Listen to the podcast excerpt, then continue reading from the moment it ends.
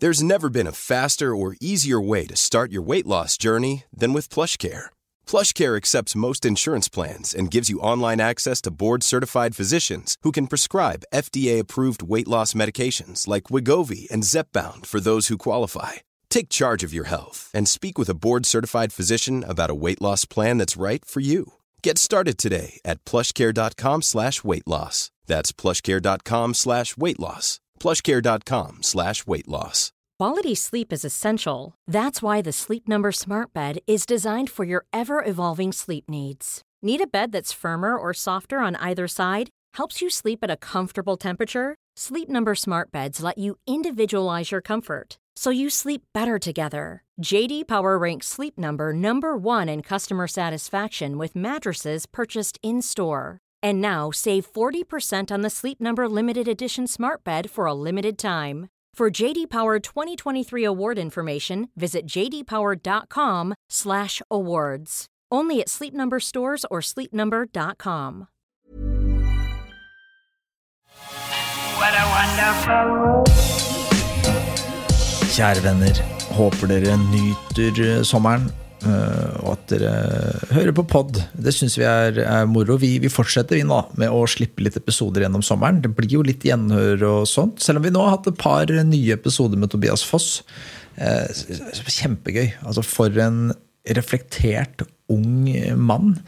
Eh, Tobias er jo da Norges største og fremste sykkeltalent. eh, og han blir forhåpentligvis eh, Norges første pall, pall, pallplass får Norges første pallplassering i en Grand Tour. Eh, det håper vi på, eh, når han får nøste opp i de tingene vi har vi pratet om episoden. Altså. Så det observante øyet har sikkert merka seg at det har vært litt sykkel i det siste. Det herjer jo en sykkelfeber om sommeren. Det er jo Tour de France, og det, det er noe som de fleste i hvert fall av våre lyttere eh, har hatt inntrykk av. Jeg følger med på. Eh, og de episodene med Tobias mener jeg er, er givende, uavhengig av om du er glad i sykkelsporten eller ei, for der snakker vi mye om, om, om liksom mekanismene bak, eh, bak det å lykkes som idrettsutøver. Da. Hva som må til, hva som skiller de beste fra de nest beste. Ting som vi syns er spennende, uavhengig av om du er glad i sykkel eller ei. Men dagens episode Dagens episode den eh, er nok ikke så interessant om ikke du elsker sykkel. Så Det observante øyet har sikkert sett at vi merker episodene med sykkelshow eller skishow. Det gjør vi litt, da, for at hvis du, hvis du ikke elsker eh, sykkel, så, så kan det være lurt å styre unna. Vi skal ikke, vi skal ikke plage folk. Det, det gidder vi ikke. Vi skal ikke plage, vi skal ikke laste deg med ting du ikke liker. Da er det bedre å komme igjen neste uke. Eh, men eh, dagens episode syns i hvert fall jeg er veldig stas. Eh, For, eh, for et par, tre par år siden, eh, sommeren 2020, så et par år siden, så var jeg heldig å få lov å reise landet rundt med min venn Jarle Fredagsvik. Jarle er Norges eh, fremste sykkeljournalist. Han, eh, han, kan, eh, han er et orakel når det kommer til sykkel. Og vi spilte en podkast sammen, som het, en podcastserie som het Tidenes Tour de France. Eh, Man husker kanskje at det var en pandemi som herja. eh, Og det gjorde at eh, Tour de France det året ble utsatt. Men for å på en måte gi det norske folk liksom demme opp for den abstinensene som da dukker opp i juli, så, så bestemte vi oss da for å ta for oss de gamle utgavene. altså Gjenoppleve de legendariske utgavene av Tour de France. Og det gjorde vi. Møtte, møtte alt som kan eh, altså Prata med Dag Otto, Edvald og Alexander Kristoff. Alle som, som har vært liksom Kurt Arvesen. Altså, alle. Kjempegøy for en, en fyr som er glad i sykkelsporten. Eh, og, og aller mest gøy var det nok fordi at jeg da ved et par anledninger fikk lov å, å møte min, min store helt. En fyr som jeg syns er, altså, er så rå. Og det er Johan Kaggestad. Er en fyr jeg setter høyt. Eh, Vi spilte inn to episoder med han. Han var den første og den siste episoden i den podkastserien. Og det jeg tenkte vi skulle, vi skulle, jeg skulle gi dere i dag, da, det er et gjenhør med den, den siste episoden fra den podkastserien. Da reiser vi tilbake til Kaggestad gård, og vi tar for oss liksom, Vi skal liksom prøve å sette opp tidenes Tour de France-lag. Eh, Jarle setter opp sitt lag, Johan setter opp sitt lag, jeg setter opp mitt, og så diskuterer vi. Og Hvis du er glad i sykkel og glad i nerding og kjenner litt sykkelhistorie, så, så tror jeg dette her eh, er veldig interessant. Og igjen, hvis ikke du er glad i det, så, så er det dørgende kjedelig, sikkert. Men uh, mye gøye, gøy refleksjoner. og Du får liksom, får liksom komme litt på innsiden av hodet til Johan Kaggestad, og det er alltid gøy. Eh, Så vi gir en shout-out. Jeg har jo på en måte ikke holdt eh, sykkelpodding ved like, men det gjør Jarle. Så sjekk ut eh, hans podkast, som er, tar for seg dagens liksom, sykkel i dag. Og det er Gruppo Compatto, heter den. Anbefaler folk å sjekke ut den. Og så Ja, her er episoden vi spilte inn for to år siden. Tidenes Store Frans med Johan Kagestad.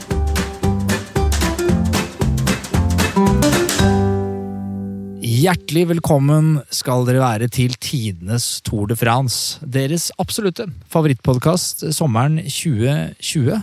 Det må jeg si det har vært. Jeg er Hanso, som alltid, og med meg så har jeg min eh, faste følgesvenn gjennom hele denne sommeren. Og hvilken glede det har vært, Jarle Fredagsvik. Charlie. Charlie, ja, som du har begynt å hete. Ja, ja.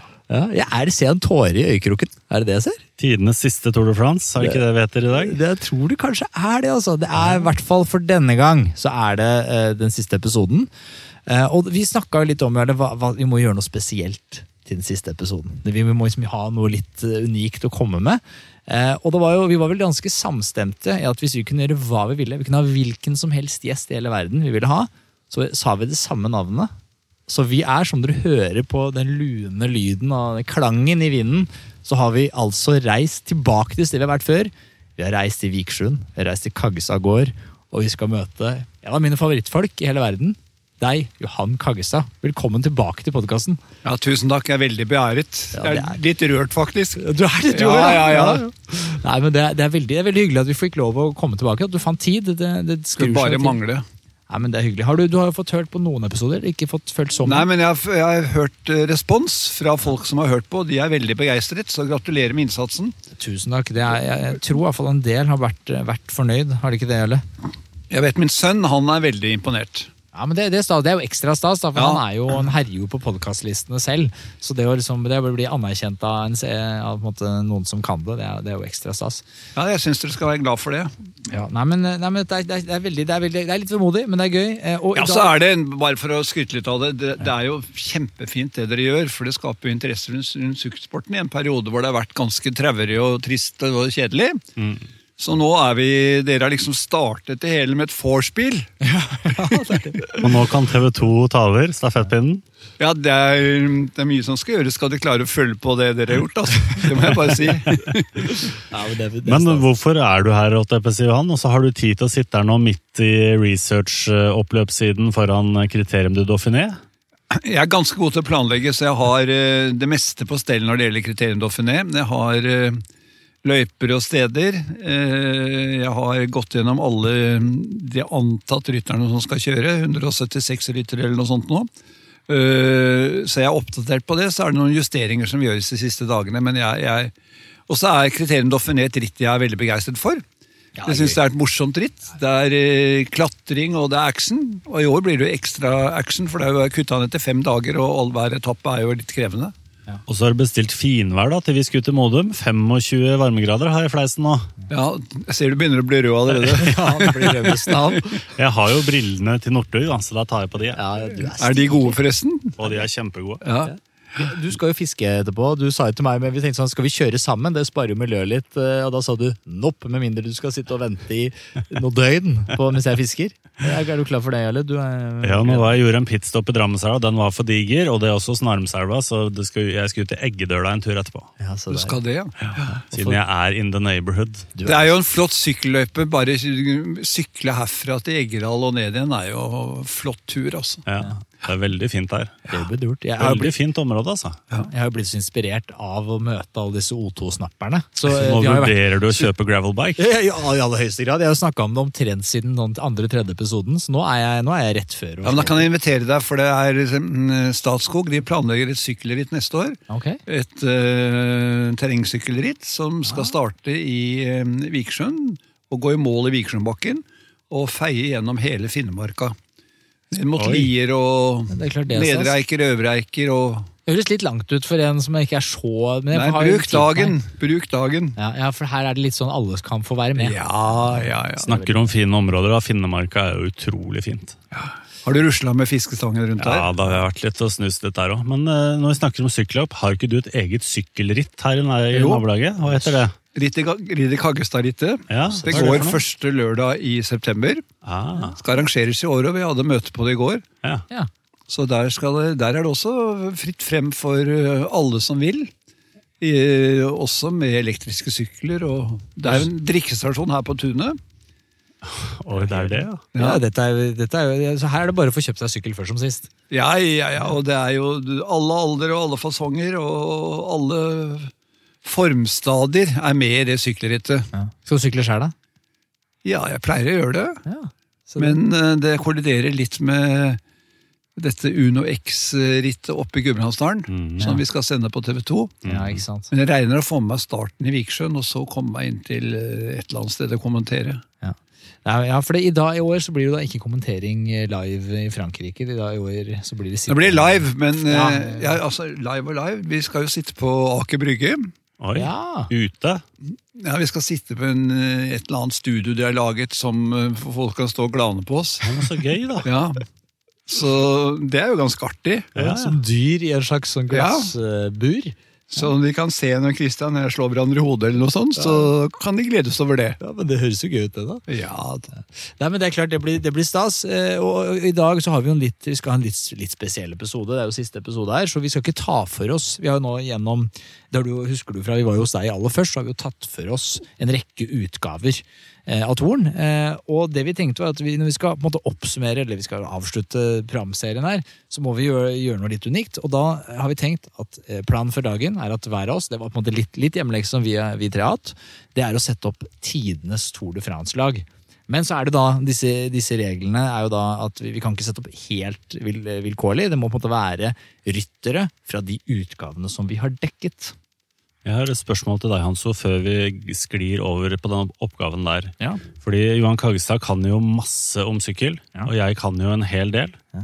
Du kunne ikke så mye da du starta opp med det her. Nei. Men uh, hvis vi liksom skrur litt tilbake til eh, episodene vi har vært igjennom, er det spesielle ting du liksom har merka der, som du har plukka opp, eller som du har lært i den prosessen her, og hva syns du har vært mest interessant? Ja, Godt spørsmål. Jeg, jeg, jeg, jeg har, jo- dette har vært en sånn barndomsdrøm hele denne sommeren. For reise rundt og møte helter. Eh, og, og, og, og, få hatt godt selskap da, med deg. Men, men det er riktig at jeg, hadde jo ikke den samme kunnskapen som, som kanskje du hadde inni det. Men, men jeg, jeg skal trekke fram spesielt. At vi først møtte jo deg, Johan. Det syns jeg, det jeg er veldig stas. Jeg må jo få si det. Eh, og så var det Kurt. Har du tatt skade av det? Det, hva, hva, opplever du? Føler du at det er en litt svekket person? Nei, jeg, nei, du virker veldig på hugget, syns jeg. Ja, det er bra. det er bra. Da, har jeg, da kommer jeg styrket ut av For du var mer beskjeden da vi møttes forrige gang. ja, ja, det er blitt litt mer Nå er du mer nå. rett på. Passer inn i TV 2-konseptet. du, nå. Det er godt. Ja, det er det jeg posisjonerer meg for. Nei, men, men så møtte vi jo Kurt, som er en sånn barndomshelt. Ikke sant? Når, jeg, når jeg var ung og så på sykkel, så var jo Kurt en av de store stjernene. Det var jo veldig gøy eh, der. Og som jeg har sett den episoden som måte, jeg lærte mest av, det var episode nummer tre. Da møtte vi jo Gino. Og han, altså for et orakel! Og, og, og, han, og kanskje den en av de kuleste liksom, opple opplevelsene fra den, den episoden var da han beskrev vi snakka om taktikkeri, og jeg må innrømme at jeg har gått i den, der, den sofafella. Den jeg sitter og ser på TV og tenker jeg sånn, så lett. Hadde jeg vært sportsdirektør, så hadde jeg tatt de gode beslutningene hver eneste gang. Det er bare høns som sitter i bilene, og de er så dårlige. Og jeg har kritisert Movistar friskt. Har jo fått, fått noen på Twitter som mener at jeg har vært litt for eh, fri i munnbruken. Ja. Eh, men Så du er som alle fotballtilhengere og sitter, på, som sitter i sofaen og Ja, skjeller ut treneren? Sitter på ræva og kast, slenger ut dritt. Det er, det, Det er, men det er noe av gleden med idretten, det. er jo det. I storstilt skala. Men, men, men så husker jeg at jeg satt der og så tenkte jeg Vi diskuterte en Husker du, du husker, hvilken- Men hva sa jeg til deg før denne episoden? Du sa, at, du sa vel akkurat det. Du kommer til å, å bli blåst over ende. Jeg sa at den episoden her kommer til å bli den aller beste. Ja, jeg tror Det hadde jeg en feeling av. Ja, jeg tror, tror altså det, er å, det er vanskelig å sette opp mot hverandre, for alt var bra. Men i alle fall, det, det, den, da, da var det noe sånn taktisk man diskuterte. Og da merka jeg bare at eh, Gino er smartere enn meg. Altså det, ja, han, han kan han, Det er noen ganger du blir på en måte sånn eh, satt på plass og bare sånn at jeg har ikke jeg kan holde meg i sofaen. Men det var, det var en sånn eh, gjeng som var nær bakketoppen. Le Monde satt der, Fignot hadde stikket, eh, Claverola var der, og Tønisse var der. Og så kommenterte jeg at opp den bakken så jobba ikke Le Monde.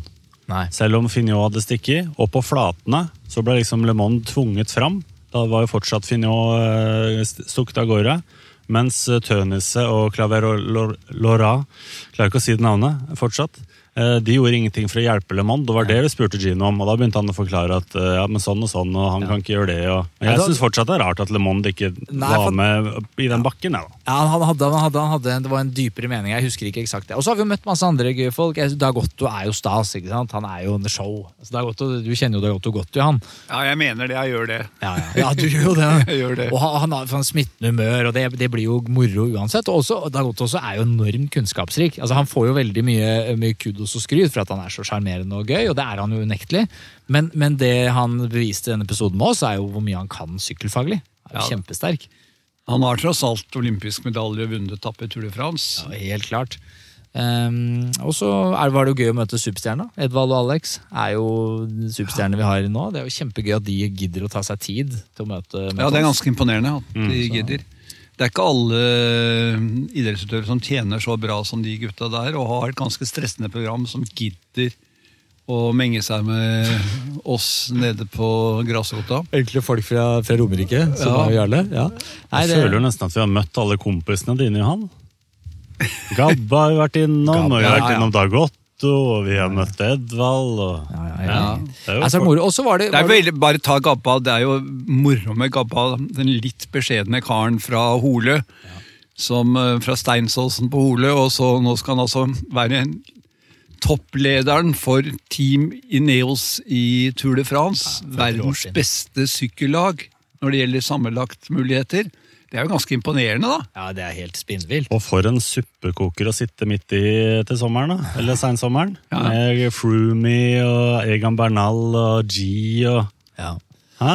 Ja, vi prøvde jo å få noe ut av han. Jeg kom jo noen tips Jeg kom med noen tips der, men jeg, jeg tror ikke han tok de til seg. Jeg tror det er lurt. Jeg tror han burde ha lukka øra der. Eh, Gabba sier akkurat det lille han trenger å si. Ja. Og så ja, det det. meste av det han har tenkt å gjøre, det sitter i huet på han. Ja. Men han var snakkesalig. Ja, vi snakka jo om Tour de France 2012. Da. Han var snakkesalig med oss, men, men ikke så mye om detaljene om årets tour. Det, der holdt han litt på Ja. Det skjønner jeg også. De har jo ikke blitt enige med seg selv om hvor den skal ta ut laget engang. Nei, Det er spennende greier. det. Hva tror du? Tror du Froome får være med? Ja, jeg tror han får være med, for det er nok et eh, krav om at han skal være med, på en måte. Men jeg tror ikke han får noen kapteinrolle, i og med at han har meldt avgang. Ja. Så det blir, og det tror jeg også er helt riktig, at de to beste rytterne på det laget er jo Egan Bernal og, og Geraint Thomas. Det er ikke noe tvil om det. Ja, er, det ikke, er det ikke noe tvil om det? Nei, det kan ikke jeg skjønne. Og Froome har enda ikke vist noe annet. Han ble bra rapporter på at han kjører bra i bakkene og kjører ålreit, men eh, jo, det er ett år siden han skadet seg veldig, veldig stygt. Ja.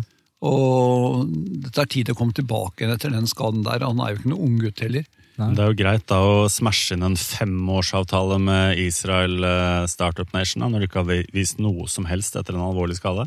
Ja, det er økonomisk, økonomisk utrolig smart han, og han har jo også økonomiutdannelse og, og er en brainy type, så han har skjønt at her må å gjøre å spille på det jeg kan, og det er å sykle og tjene mest mulig penger.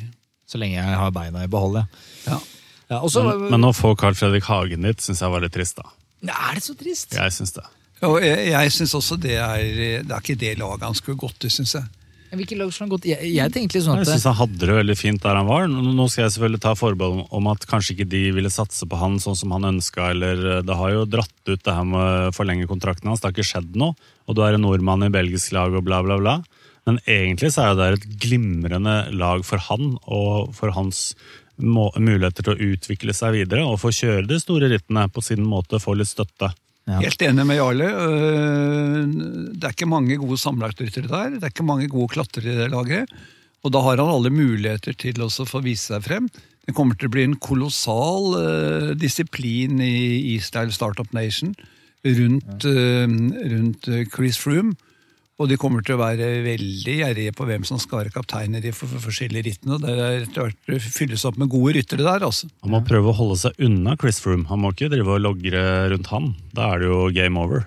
Ja. Altså, I mitt hode tenkte jeg at her kan man kanskje få muligheten til å være en, en hjelperytter. Gå skolen, lære. Altså, Chris Froome har jo sikkert uendelig mye å lære eh, til Ja, men Carl Ville du gått den skolen når du var 28 da? Ja, men Han gjør det et år, så kan han jo likevel kanskje sykle for sine egne sjanser i Vueltaen eller Giroen. Så jeg skjønner, Det blir et problem hvis han, hvis han tvinges til å pike toppformen sin inn til Tour de France det for å sykle hjelperytter. Eh, Så, så kan det være en challenge, men, men jeg stoler Ja, på det. Det er uh, det samme som Edvard Boasen Hagen var ute for i 2012. Ja. En utrolig god syklist. Var i kjempeslag. Gjorde en formidabel jobb, jobb som hjelperytter for Bradley Wiggins. Men eh, sånn utadmessig så sitter jo folk og sier han får jo ikke, fikk jo ikke eksponert seg, han fikk jo ikke utviklet seg. Men jeg tror aldri Edvald har vært så god noensinne som han var i 2012. da Han satt oppover de fjellene og dro som en kanon. Et råbra. Ivan Basso satt bak og hylte.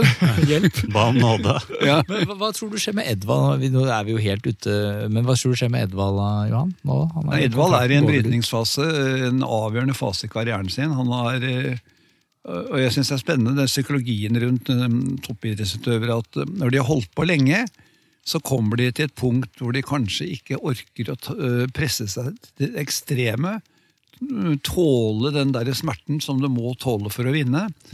Og det husker jeg utøvere som jeg har trent også. Plutselig så presserer de ålreit, men de presserer litt dårligere enn de gjorde på sitt beste.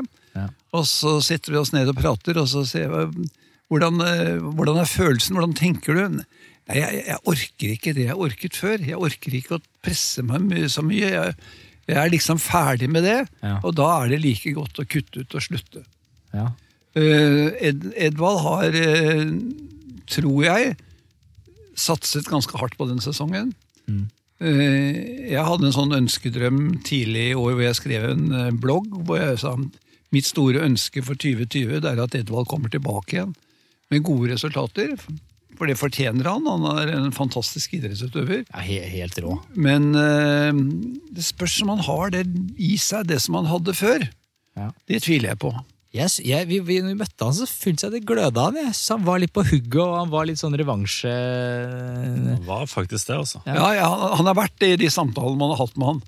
Så jeg bare håper at, uh, at Det, han det ikke bare er ord, men også handling.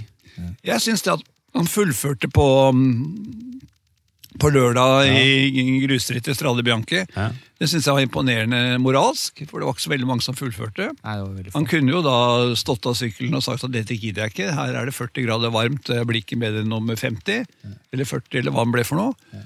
Men uh, å fullføre der, det viser at det er et eller annet uh, i han for øyeblikket som det skal bli spennende å følge. Ja, vi kan jo snakke om uh, ting vi ikke skal snakke om i dag i det vide og det breie, Johan, men jeg må bare nevne en ting til. Det er veldig interessant å se Strad Bianche, Milano, San Remo og de rittene her i 40 varmegrader. Det blir jo noe helt annet. Helt annet 40 varmegrader. er- du så jo avstandene. Ja, Altså, bare ti mann innenfor ti minutter. ja da, Det var vel Ala Filip. Ja, det er, eh, det er kolossalt krevende. altså. Solen bare baker jo ned på de. Og det er jo noe man ikke klarer å heller sånn sette seg helt inn i fra sofaen. Altså, du du har jo, er jo der og sitter jo ute og du kjenner det på kroppen, men, men eh, man hører at dere beskriver at nå er det altså så varmt at det nesten er helsefarlig å sykle. Så sitter jo jeg hjemme i et aircondition sofa, sofa og tenker at ja, det er jo sikkert ille. Jævla pingler. Gi meg, gi meg en underholdning, liksom. For kommer opp på de syklene. Nei, og så er det en annen ting. Eh, En, det er varmere enn det jeg er vant til. Iallfall de som kommer her opp fra Skandinavia. Og så er det vesentlig høyere relativ luftfuktighet, som tapper de ganske kraftig. Og det er det jo nede ved Middelhavet. Så de svetter jo mye raskere i det klimaet som er der nede, enn i vanlig nordisk varmt klima. Jeg fikk et interessant innspill fra Amund Grøndal Jansen. Jeg har ikke klarert med han at jeg kan si det her, men nå tar jeg en liten sjanse. Men han hadde et eh, interessant moment, og det var at eh, han eh, ble jo dehydrert, fikk ikke i seg nok vann. Og et av problemene der var at eh, laget hans sto og så etter gule drakter. Så kommer han der i norske mestertrøya. Så det var et par vannstasjoner hvor han ikke fikk flaske.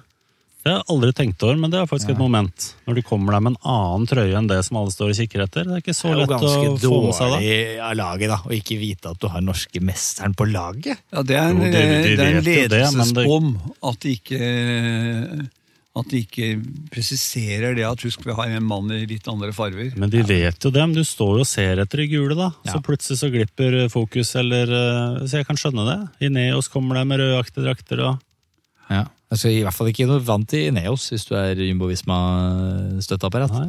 Må du- nå skal Det blir forresten kjempegøy nå med disse drittene som kommer, med kampen mellom uh, troikaen i Ineos og troikaen til uh, Jumbo Visma. Ja, det blir moro. Hvem, hvem er det du, Nå har vi jo fått noen ritt og fått litt sånn føling på noen. Uh, og og hvem, hvem tror ikke lag er det som måtte, ser ut til å være råest da? Vi har ikke sett så mye Tour de France-messig, da. Nei, vi, har Nei, ikke vi får se det i Kriterium Dauphiné. Ja. Det blir spennende med kriterium Dauphiné. Ja. Altså.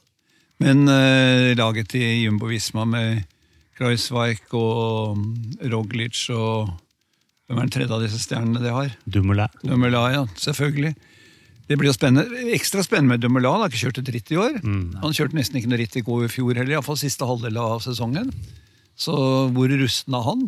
Ja. Men eh, det- på papiret er jo det et kjempesterkt lag, og det er jo den trioen til Ineos også. Så har de jo fått han lille Sivakov, han unge russeren, oh, wow.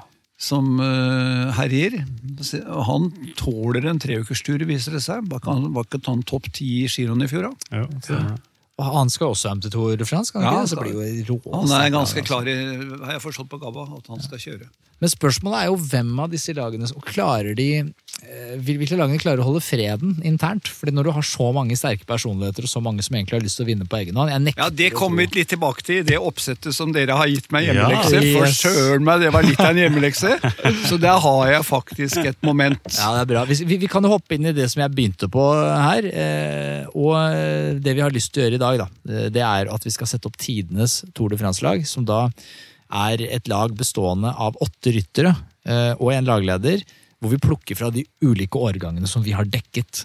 Eh, og da er det jo lov å Her er det jo bare fritt valg. da. Hvem er det vi har lyst til å ha inn? Hvem er det vi syns er god for lagmoralen? Hvem er det vi mener at presterer best? Men det er jo om å gjøre å finne laget vi mener ville ha har vært best rusta til å vinne toren sammenlagt. Og så har dere jo, har dere jo gitt eh, delt opp da i en kaptein, en hjelperytter på flatene, en hjelperytter i fjellene, en bruddspesialist, som dere kaller det, Ja. tempospesialist, en spurter, en klatrer og en road captain. Ja, det er helt riktig. Det er de kategoriene vi skal, eh, eller jeg skal prøve å komme med kandidater til. Ja, vi, og, vi har også prøvd, da. Jeg har litt sånn angst, for jeg tror at jeg har glemt en kategori. Men da får dere bare hudflette meg hvis det skjer. Sportsdirektøren har vi også med, da. Ja, sportsdirektøren. Og så har vi til og med fått en del eh, ivrige lyttere som fikk bare en sånn liten fra sida at vi ønska innspill. Så det er ganske mange som har, veldig mange faktisk, som har sendt inn sine lag. Så vi kan også bli inspirert, eh, inspirert av det, da. Og så presiserer vi, for det, her er det satt noen rammer fra deres side. Det er Tour de France 1987, 1989, 2000, 2003, 2006, 2008, 2011, 2012, og historien slutter med 2014. Ja, Så det er det, de rittene vi har konsentrert oss om, eller jeg har konsentrert på å plukke kandidater fra. Riktig. Og Jeg, jeg har et lite innspill der, Hans. Og jeg vet, ja. også, du liker jo ikke Movistar. eh, og jeg vet ikke om det har noe med det her å gjøre, men vi har jo faktisk hoppa over perioden fra 1990 til 1999. Det har ikke vi snakka om i det hele tatt. Var det fordi du ønska å unngå å snakke om fem sammenlagsherrer til Miguel Indurain og Banesto-laget? Og Var det fordi- Pedro Delgado. Eller var det fordi du ikke ønska å snakke om Bjarne Riis, Marco Pantani, første seieren til Ulrich? Altså, det er mye snacks i den perioden, som vi bare hoppa galant over. ja, nei, jeg må si, jeg, jeg tror nok at det, er, at det er Jeg føler ikke at jeg har vært helt alene om å velge, velge årgang, Jarle, men takk for at du kaller meg ut. Nei, men Det er fordi at vi, vi, det er så mye bra vi kunne velge. Og jeg tenker at vi må jo holde døra på luk, på gløtt, til at vi kan gjøre en sesong eh, med tidenes Tour de France Ja, i fremtiden. det var lurt. Eh, Så det, er nice save, Det kaller man det. Det Den var veldig fin. Ja. Det var David Seaman på sitt beste. Det var det. Ja, men altså som, som du har sagt, Johan, eh, reglene var en lagleder slash sportsdirektør, en road captain. Eh, og det som ligger i den rollen, er at du er litt sånn kaptein på veien. Du er på en måte bindeleddet mellom, eh, sånn jeg har forstått det, da, bindeleddet på veien mellom de som sitter i bilen, sportsdirektør, og resten av laget. Eh, og så er det en hjelperytter på flatene, som du sa, en hjelperytter i fjellene, en opportunist slash bruddspesialist, en tempospesialist, en spurter, en klatrespesialist, og til slutt da en kaptein slash sammenlagt rytter.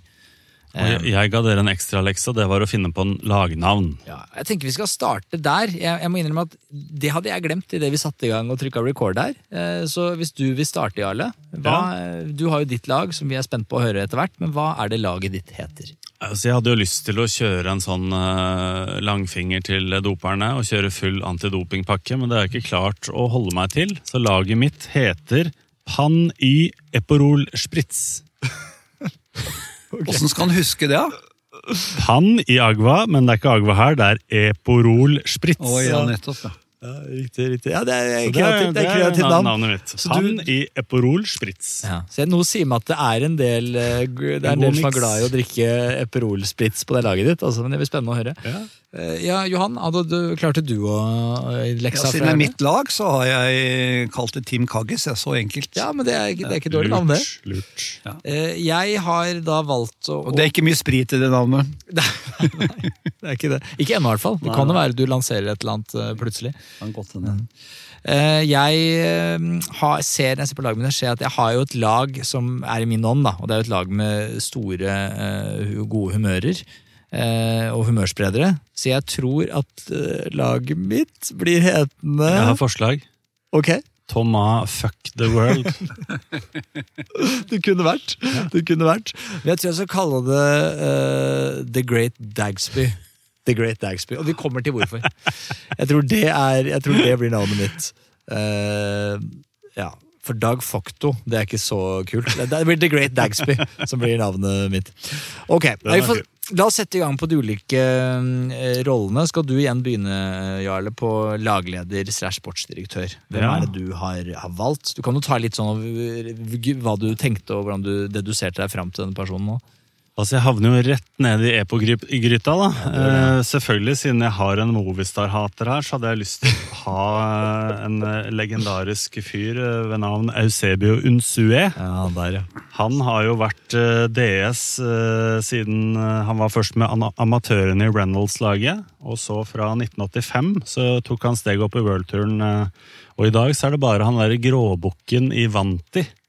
Hiler van der Schuren. Han er den eh, som har sittet like lenge i worldturen som Eusebio Unsue. Eh, og han har, jo, uh, han har jo vært innom Delgado, Olanjo, Oscar Pereiro, Valverde, Quintana, Carapaz. ja, det er ikke dumt. Så må vi jo selvfølgelig ha også med Indurain, men altså, det er jo ikke helt sånn klink i de årgangene vi har. da. Nei. Så derfor så måtte jeg bare kaste han, men jeg hadde lyst til å nevne den. da. Ja, ja. Eh, Men jeg valgte faktisk eh, en eh, person som har flere kallenavn. Ørnen fra Herning. Ja, Mister ja, ja, ja. 60 utskjelt Tour de France-vinner fra 1996. Teambilder, taktisk rivjern. Har nærmest en sånn gurutilnærming når han kommer inn og får jobbe med en ny ryttergruppe. Og det er han jo midt oppi nå. Han er jo blomstra opp i NTT og skal liksom forvandle Nå er det Afrikas tur til han. forvandle Edvald fra en sånn grå masse til uh, sprudlende edelstener. Uh, så jeg har faktisk uh, tatt med meg Bjarne Riis som lagleder. Han var jo kjent fra CC-perioden til å ta med gutta ut i skauen på sånn militærøvelse med han BS Christensen.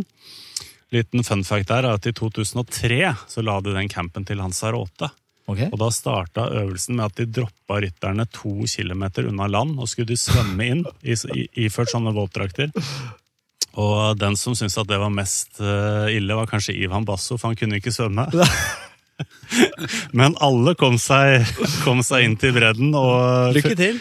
De fullførte ikke øvelsen, for det er mange av de som hopper av underveis. Og når du har med slekkgutta ut i skauen og sånn, det, det er jo ikke lenge de blir der. Nei, det er, det er ikke mange myggestikkene til, tror jeg, før Frenk eh, kaster inn det håndkleet. Altså. Og så må, så må jeg jo si da at ehm, Altså, Han har jo en sånn taktisk brodd, eh, Bjarne. Han er flink til å bygge eh, lagfølelsen. Og, og Hvis jeg tenker liksom noen av de aller største Tour de France-etappene jeg har sett, så tenker jeg jo f.eks. på Galibier. Ja. Andy Schleck. Ja, ja. Det, eh, nå sier jeg CC, det heter vel ikke det da, men eh, det sendes altså Ja, Det var kanskje ikke ris heller, da, tenker man. Jo. Var det Riis som, eh, som kuppa Galibier med Anders Schleck? Nå ble jeg usikker. Ja, det tror jeg det var. Du får for det. Ja. Ja, Eh, Så det er din eh, mann som sportsdirektør? ja, men jeg må jo også nevne, hvis det var feil det med Anders da, så må jeg også nevne det der kuppet de har med Carlos Sastra. Og nå kan man jo diskutere hvor planlagt det var. Var det. Sastre sin egen plan, eller hvordan spilte de det? Men altså, måten der med den der plaginga av Evans og Jeg vet jo litt om det, for jeg hadde spiste middag med Bjarne- Riis på, Ja. på Bristol i Oslo. Okay. Ja. Uh, og uh, det var ganske interessant. Uh, eh, for jeg hadde fulgt laget, og eh, så, så var jeg jo imponert over den måten de bygget lag på. For det første, det var det første laget som jobbet med et sett med uttalte verdier som eh, skulle kjennetegne laget. De hadde fire verdier. Eh, en av dem var lojalitet.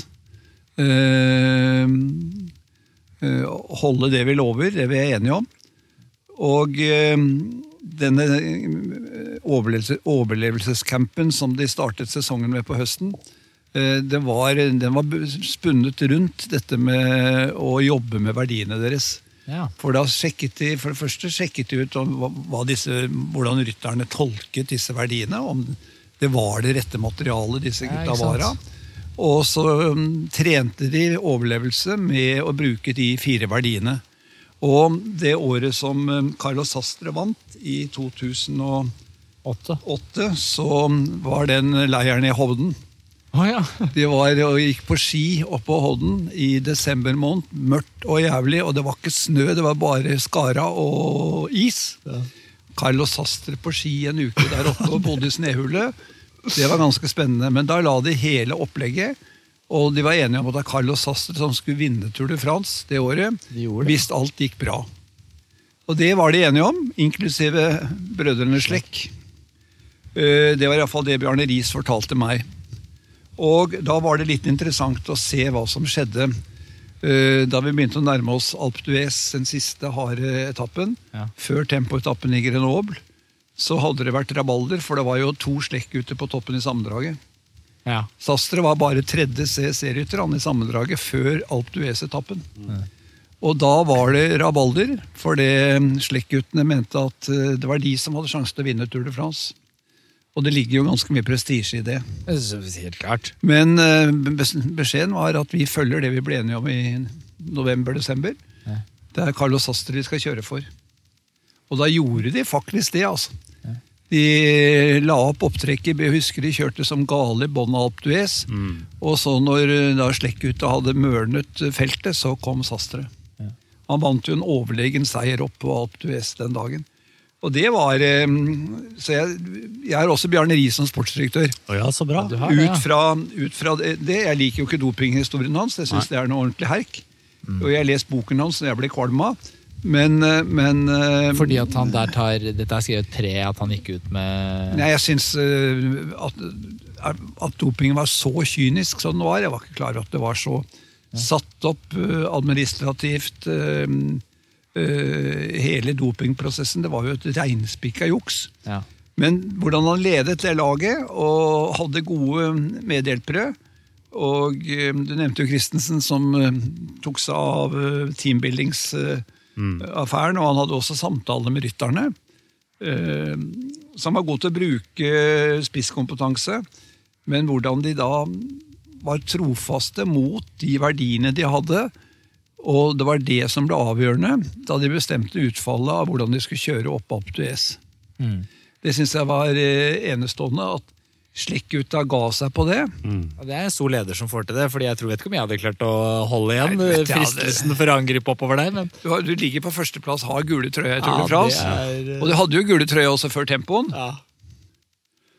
Så Jeg mener å huske at jeg har lest at eh, Carlos Sastre på et møte i november året i forveien sa jeg vil vinne Bjarne, nei, jeg vil vinne Tour de France for deg, Bjarne. eller noe sånt. At, at Det var liksom det eneste målet til Sastre den sesongen. Ja, det var det han også. gjorde jo ingenting annet Det før han kom dit. usynlig. Vi snakka jo med, med Kurt usynlig. om denne, denne utgaven. og han, vi, var liksom, vi var jo, spurte jo mange ganger om hvem var det egentlig som var kaptein, og Kurt sto vel i det at det var det var Carlos Sastre som, som skulle være kaptein, men så hadde han jo ikke prestert helt, og disse slekkgutta begynte å ta mer og mer plass i laget. Ja. Og de var to, og begge var gode. Og så når da ting gikk som de gikk, og det tilfeldigheten skulle ha det til at Frank satt der med gull trøye, så var det litt usikre, men de Så blir det jo allianser. altså De hadde jo Kim Andersen på sin side, og det ble jo, de, de brøt jo ut med Kim Andersen, som var altså høyre hånd til Bjarne Riis. Så det var jo en skikkelig konfliktsituasjon Ja. eh, da Tour de France var over. Men at de sto fast med det de var enige om i november, november-desember, det var ganske imponerende. Og at de brukte verdiene sine. Dette er vi enige om. Lo- Lojalitet mot det jeg har besluttet. Pang! Men det betyr vel da at uh, da Anders Leck vant på Galibier, så var det ikke Bjarne Riis. Men det Nei, var, det det var. Riis-lignende taktikk. Det var da han kom slepende med Contador, det. Ja, det, det, det minte meg om Riis, men eh, da skal ikke han få kred for den. Nei, men Bjarne Riis har jeg som eh, sportsdirektør. Ja, men det Og er så tenkte jeg selvfølgelig på Dave Brailsford øh, Ja, fordi også. Der er du inne på det, for jeg har gått en annen vei enn dere to som er så samstemte. Jeg blir redd for at jeg ikke sitter med fasit nå, men det var heldigvis så nevnte du som en outsider der, Johan. For jeg har satt opp Dave Brailsford. Jeg mener jo på en måte måten han eh, satt jeg, det står, jeg som er utdanna økonom her, og er litt sånn er jeg den kyniske bakgrunnen. Du, ja, sant, så er du med meg.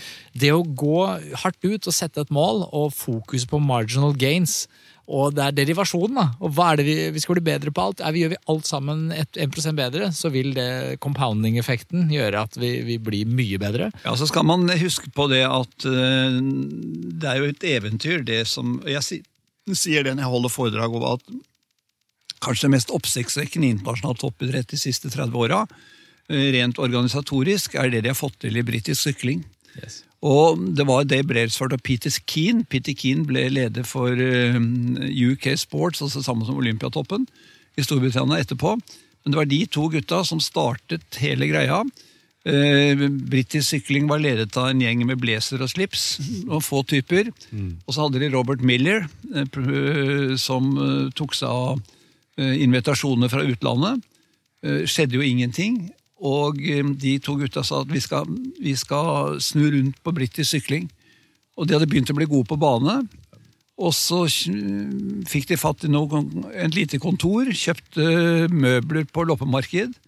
Og så begynte de å jobbe eh, og bygge en pyramide fra klubbnivå, regionsnivå, eh, junior, U23 og til toppen. De hadde ikke tenkt på noe profflag til å begynne med. De hadde tenkt på olympiske medaljer. Men hvordan de klarte å få samlet Storbritannia, syklingen i Storbritannia, til å bli et eh, eliteprosjekt eller et prestasjonsprosjekt helt ned fra grasrota, det var ganske imponerende. Og Det er, var en organisatorisk eh, eh, suksess, og det er noe som alle Hadde jeg vært eh, idrettsleder i dag, så ville jeg reist til eh, British Cycling og sett hva de gjorde, og lært av det Til Manchester. til Manchester, velodromen i Manchester. Jeg har vært der, og jeg må si jeg, jeg er imponert over detaljnivået de har jobbet med. Ingenting overlatt til tilfeldighetene. Og folk blir målt på det de presterer. Hvis de ikke presterer, så er det ut. Enten det er støtteapparat eller rytter eller hva det er. Det er kynisk tilnærming. Ja, Det er jo Ja, og de stiller krav. De sier at eh, hvis du skal opp på akademinivå, som er nest høyeste nivå, så, så er du der fordi vi tror du kan vinne medalje. Og så prøver vi å se om det er en realitet. Hvis det viser seg at det ikke er noen realitet, så må du finne deg noe annet å gjøre. Og jeg husker de vant bl.a. en rettssak mot en eh, eh, ung eh, kvinnelig syklist som var eh, som anla rettssak mot um, Brailsford og British, Brailsford og British Cycling fordi hun ikke kom med på akademiet. Eh, hun var best i Storbritannia i sin aldersgruppe. Og Brailsford sa det er fint det at du er det, men den aldersgruppen er drita dårlig. Så du får komme igjen når du har blitt bedre. Hun, hun anla rettssak og tapte så det suste. Ja. Men det har vært den derre ånden rundt det å lykkes, og de har jo levert mye medaljer har de i olympisk sykling. Det er ganske Det er voldsomt, altså. Ja, men den mentaliteten du beskriver der, er vi litt for veike i Norge? Ja, det tror jeg vi er. At, uh, jeg tror Vi stiller for lite krav fordi vi har litt for få uh, gode ryttere, og de, de får det veldig bra ganske tidlig. Eh, Norge er utfordringen det at uh, du trenger ikke å trenger ikke å gi alt for å nå et visst nivå. Eh, Men skal du nå det ekstra toppnivået, så er du nødt til å være en spesiell type. Og jeg tror vi er litt for glad i folk som er sånn nesten gode, Ja. og genierklærer de. også, og da mist, tar man kanskje bort litt den eh, sulten og sparket bak Ja, sulten er helt avgjørende. De, de, ja, men de, selv de beste talentene, hvis de hadde blitt eh, behandla sånn som eh, Dave Brailsford behandler de beste talentene, så hadde de kanskje fått mer ut av dem òg. Ja, det er helt klart. Altså, du hadde fått silt ut de som ikke, ikke burde være der. Det er jo Noe av det viktigste toppidretten er å også øh, hjelpe de ut av toppidretten som ikke i grunnen passer til å være der. Ja. Og um, apropos sult, jeg husker jeg var på Men det er jo Abid Raja god på, da. Han, luker, han luker jo voldsomt for tida. Ja, men, eh, men jeg var på uh, landslagsritt for juniorer nede i Syd-Italia. Ja. Eh, Ringerike, Ringerike Sykkelløp hadde stort sett hele det laget. Det var iallfall uh, var vel seks ryttere på laget, og fem var Ringerike, tror jeg. Så jeg var nede og så på og hjalp til litt. Og eh, det var sånn 40 varmegrader. Ja. Og uh, så var det artig å se etter at etappen var slutt. Så så du det kasakhstanske landslaget. De gikk rundt i skogen og samlet opp flasker. Ja. For de hadde ikke råd til å kjøpe nye plastflasker. Nei. Så det var eh, et eksempel på at eh, her tar du vare på det lille som man har, og gjør best mulig ut av det.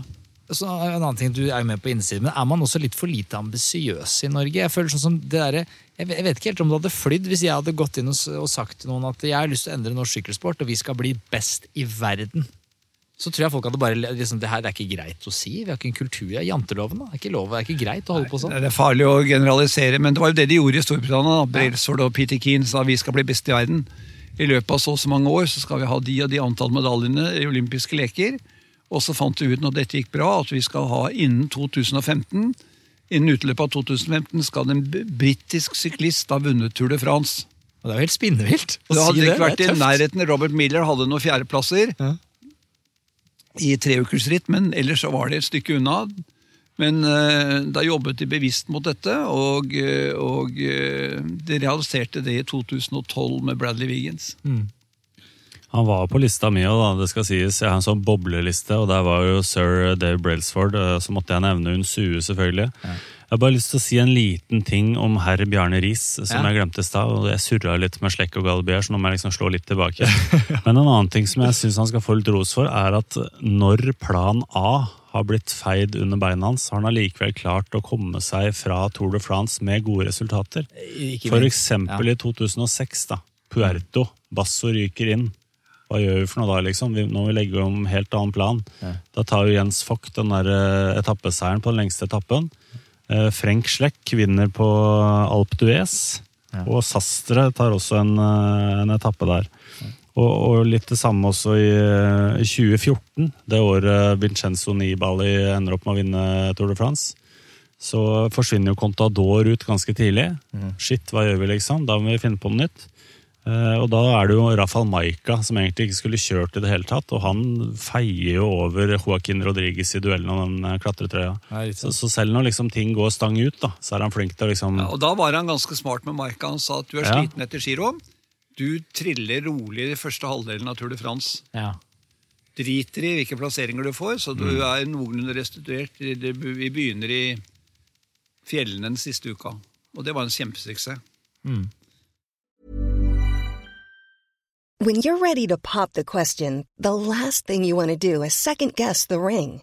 At Bluenile.com, you can design a one of a kind ring with the ease and convenience of shopping online. Choose your diamond and setting. When you find the one, you'll get it delivered right to your door. Go to Bluenile.com and use promo code LISTEN to get $50 off your purchase of $500 or more. That's code LISTEN at Bluenile.com for $50 off your purchase. Bluenile.com code LISTEN. Quality sleep is essential. That's why the Sleep Number Smart Bed is designed for your ever evolving sleep needs. Need a bed that's firmer or softer on either side? Helps you sleep at a comfortable temperature? Sleep Number Smart Beds let you individualize your comfort so you sleep better together. JD Power ranks Sleep Number number 1 in customer satisfaction with mattresses purchased in-store. And now save 40% on the Sleep Number limited edition Smart Bed for a limited time.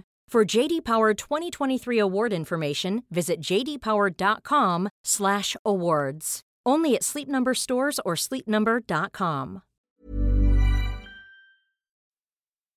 Yes, men da har vi sportsdirektøren på plass. Ja, det er en vi ikke har nevnt, bare, bare for å ha vært raskt innpå det. Jeg vurderte, det var en annen jeg også vurderte veldig, som, som, som er veldig omstridt. Johan Brunell. Det er Johan Brunell. Johan, hva syns du om din navnebror Johan Brunell? Burde Jeg vi syns han er et dopingsvin, så han vil jeg ikke tatt med i det hele tatt. Nei, men, men, ja, det, det er jo riktig, altså, men, men i lys av altså, Historien er jo ikke Men sånn, han, sånn rent taktisk han var jo inne på noe. Han, han var jo litt sånn Dave Brailsford, og de var tidlig ute med å være profesjonelle, gå i vindtunnel, ta i bruk eh, vitenskap. Ja, Han var også veldig smart når det gjaldt å sette sammen lag. Han, øh, han øh, sa at vi er nødt til å ha ryttere fra mange nasjoner, blant annet. Mm. For det, da lærer de av hverandre. Og det hadde han tro på. Nei, det var klart Han var jo, hadde jo et sykkelhode og var opplagt god til å administrere også. Og var jo selvfølgelig god til å utnytte alle de mulighetene som var mulig på den tiden. Lovlig og ulovlig, dessverre. Ja, Det det som- ikke sant, men det, sånn var kulturen. Ja. Og jeg vil presisere det at det, er ikke enestående at det var den juksekulturen i sykkel. Det var det samme i friidrett, lange løp, det var det samme i langrenn f.eks. Ja. Så det var, det, var, det er færre utøvere, men de var jo like dopa der som det var i sykkel på den tiden. Ok, Vi hopper videre til neste kategori, og det er kategorien road captain. Eh, og Bare for liksom én oppsummere den rollen, så jeg ikke driter meg ut her, så jeg, forstår jeg det da som at det er en slags eh, kaptein på veien. Ikke en sammenlagtsrytter, men en som på en måte er eh, the big dog, som bestemmer litt i laget og er litt bindeleddet mellom Litt som en kaptein i fotball, kan man ikke se det litt sånn? da? Ja. Litt sånn, sånn Roy Keane-type.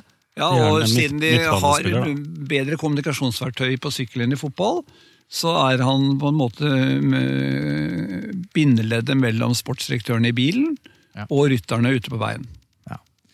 Eh, skal, jeg Vegard Breen var en god norsk road captain-type. Ja. Ikke den råeste norske proffen, eller han som ble skrevet mest om, men han var veldig taktisk eh, klok og tok avgjørelser på landeveien. Nå skal vi sitte der, nå må vi gjøre der, pass på spurteren vår. Ikke sant? Her kommer det vind fra siden, her er det kupert. altså... Her kan vi hvile. Setter seg veldig inn i hva som venter i forkant. da. Tar det kanskje like alvorlig som sportsdirektøren før etappen skal sykles. Skal skal jeg starte da, her siden eh, For her har jeg satt opp eh, en av mine favorittfolk. Eh, Jeg satt opp Dag Otto Lauritzen. Han sa jo selv i episoden han var nok ikke han var vel ikke road captain i 1987, men han var jo en road captain-type. Han sa vel at han fungerte ofte som road captain da han var i, i Det er 7-Eleven. godt mulig, men hvis, hvis du spør Morten Sæther, så vil han protestere sterkt, altså med referanse til OL i 1984. Ja, ok, ok. Hva- Er det noe, noe her vi Hvor må få høre? Hvor de spurta mot hverandre om eh, OL-bransjen. Ja, ok, riktig. riktig. Det er ikke så veldig road captain-aktig. Nei, så jeg, jeg, jeg, har gått for, jeg har gått for en sånn eh, Jeg har gått for en fan favorite her, jeg. Så jeg, jeg, jeg, synes, da, Dag- jeg, jeg, ville ha Dagotto. Inn. Jeg ville ha med Dagotto på laget. Da, må- da må du ha 87-utgaven av Dagotto, da, som Ja, vinner på har Og det er jo ikke den dummeste utgaven å ha. Nei, nei, ha nei, nei, nei, helt enig det. Så, så jeg Men var den uh, Lutzai denne etappen et eksempel på at han var en god road captain? Det var jo ikke det, vet du. Nei, det, var jo. George, det var jo Andy Hampston som styrte Dagotto Lauritzen til den posisjonen han fikk eh, på uh, Lutzai-den. Han sa Dagotto, dette fikser du, kjør! Ja, nei, så, ok, jeg, jeg, jeg, Få høre, få høre din, da, Johan. Høre din uh... Nei, altså, jeg må bare si at jeg var litt forvirret uh, da jeg fikk uh, instruksen av dere. Eh, så jeg har ikke tenkt så mye på Robotcraften, men jeg har et eh, litt originalt forslag. Det er Kurt Asle Arvesen. Ja, det er ikke dum. Dere går for nordmenn, dere, altså. det er ikke dum. Vil ha norsk kaptein. Ja, og, da, og han var vel også, han sa vel det i 2008 at han fungerte som en, en roadcap'n på laget. Han ble også brukt, det nevnte han som var gøy, at han ble jo satt på rom eh, for å skape fred. Så hva var det han var på, hva var det han sa? Det var på rom, var det Sastra han var på rommet en Sastra, periode? ja. Og så ble han flytta til et annet rom, for da trengte de fred der. Ja, og det tror jeg er et typisk eh, eksempel på mm, oppgaver i road captain-rollen å skape ro innad i laget. Ja. For det blir mye prat om denne jævla ledelsen. Ja. Men det er jo veldig fint å ha en rytter som, kan, som tør å si noe.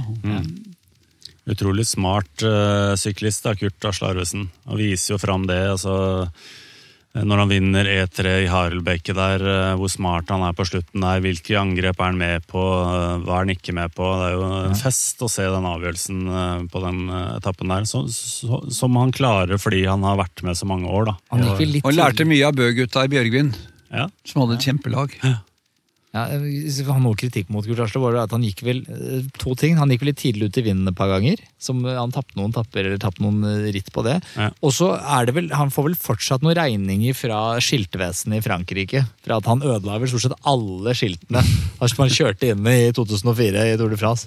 Eh, Så, så det, det er klart det er jo uheldig. Og En annen grunn til at han er en eh, god road captain, er at han eh, var utholdende, at han tålte mye juling. Ja. Og selv om han så helt mørkbanka ut og var halvt bevisstløs når han var ferdig med etappen, så var han på startstreken neste dag. Og det er jo en eh, disiplin som er verdt å ta med seg. Et forbilde for resten av laget.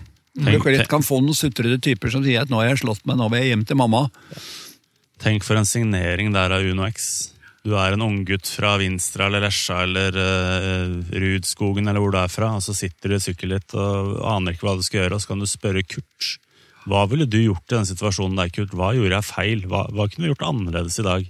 Så får du han som eh, coach på øret. Ja, ja, det er helt eh, rått. Eh, Hvem er det du er, Jarle, som eh, road captain på ditt lag? Hva heter det igjen, laget ditt? Eh, Vi heter Pan i Eporol Spritz.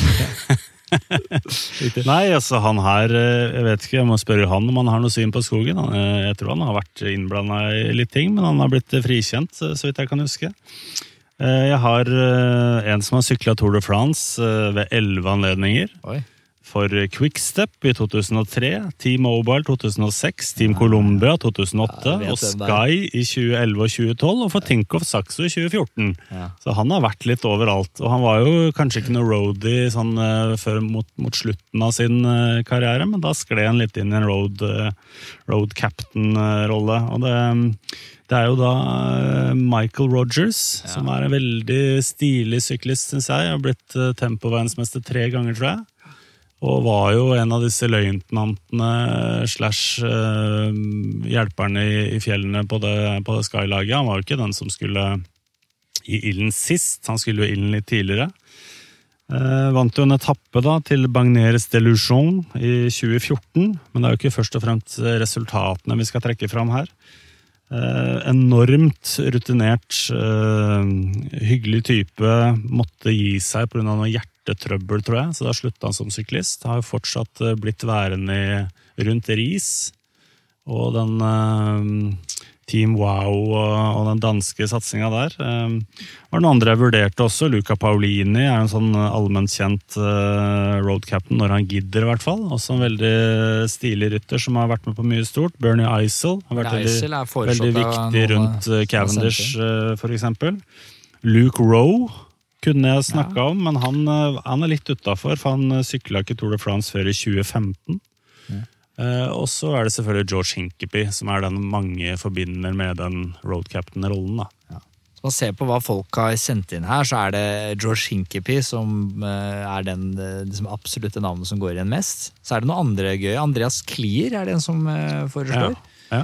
Eh, og så har vi Hva var kallenavnet hans igjen?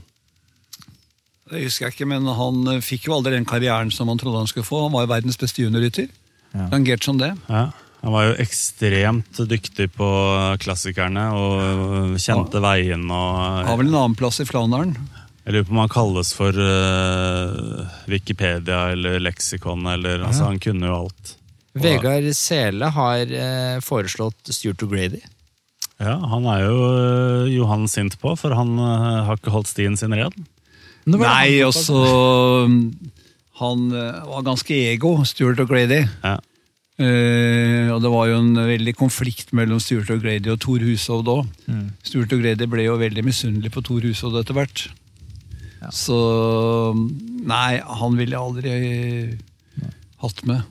Og så er det, er det David Miller blir nevnt her av eh, hva er det som nevner David Han er klok, han. Når han er edru, så er han jo veldig klok. Morten Laupstad foreslår David Miller.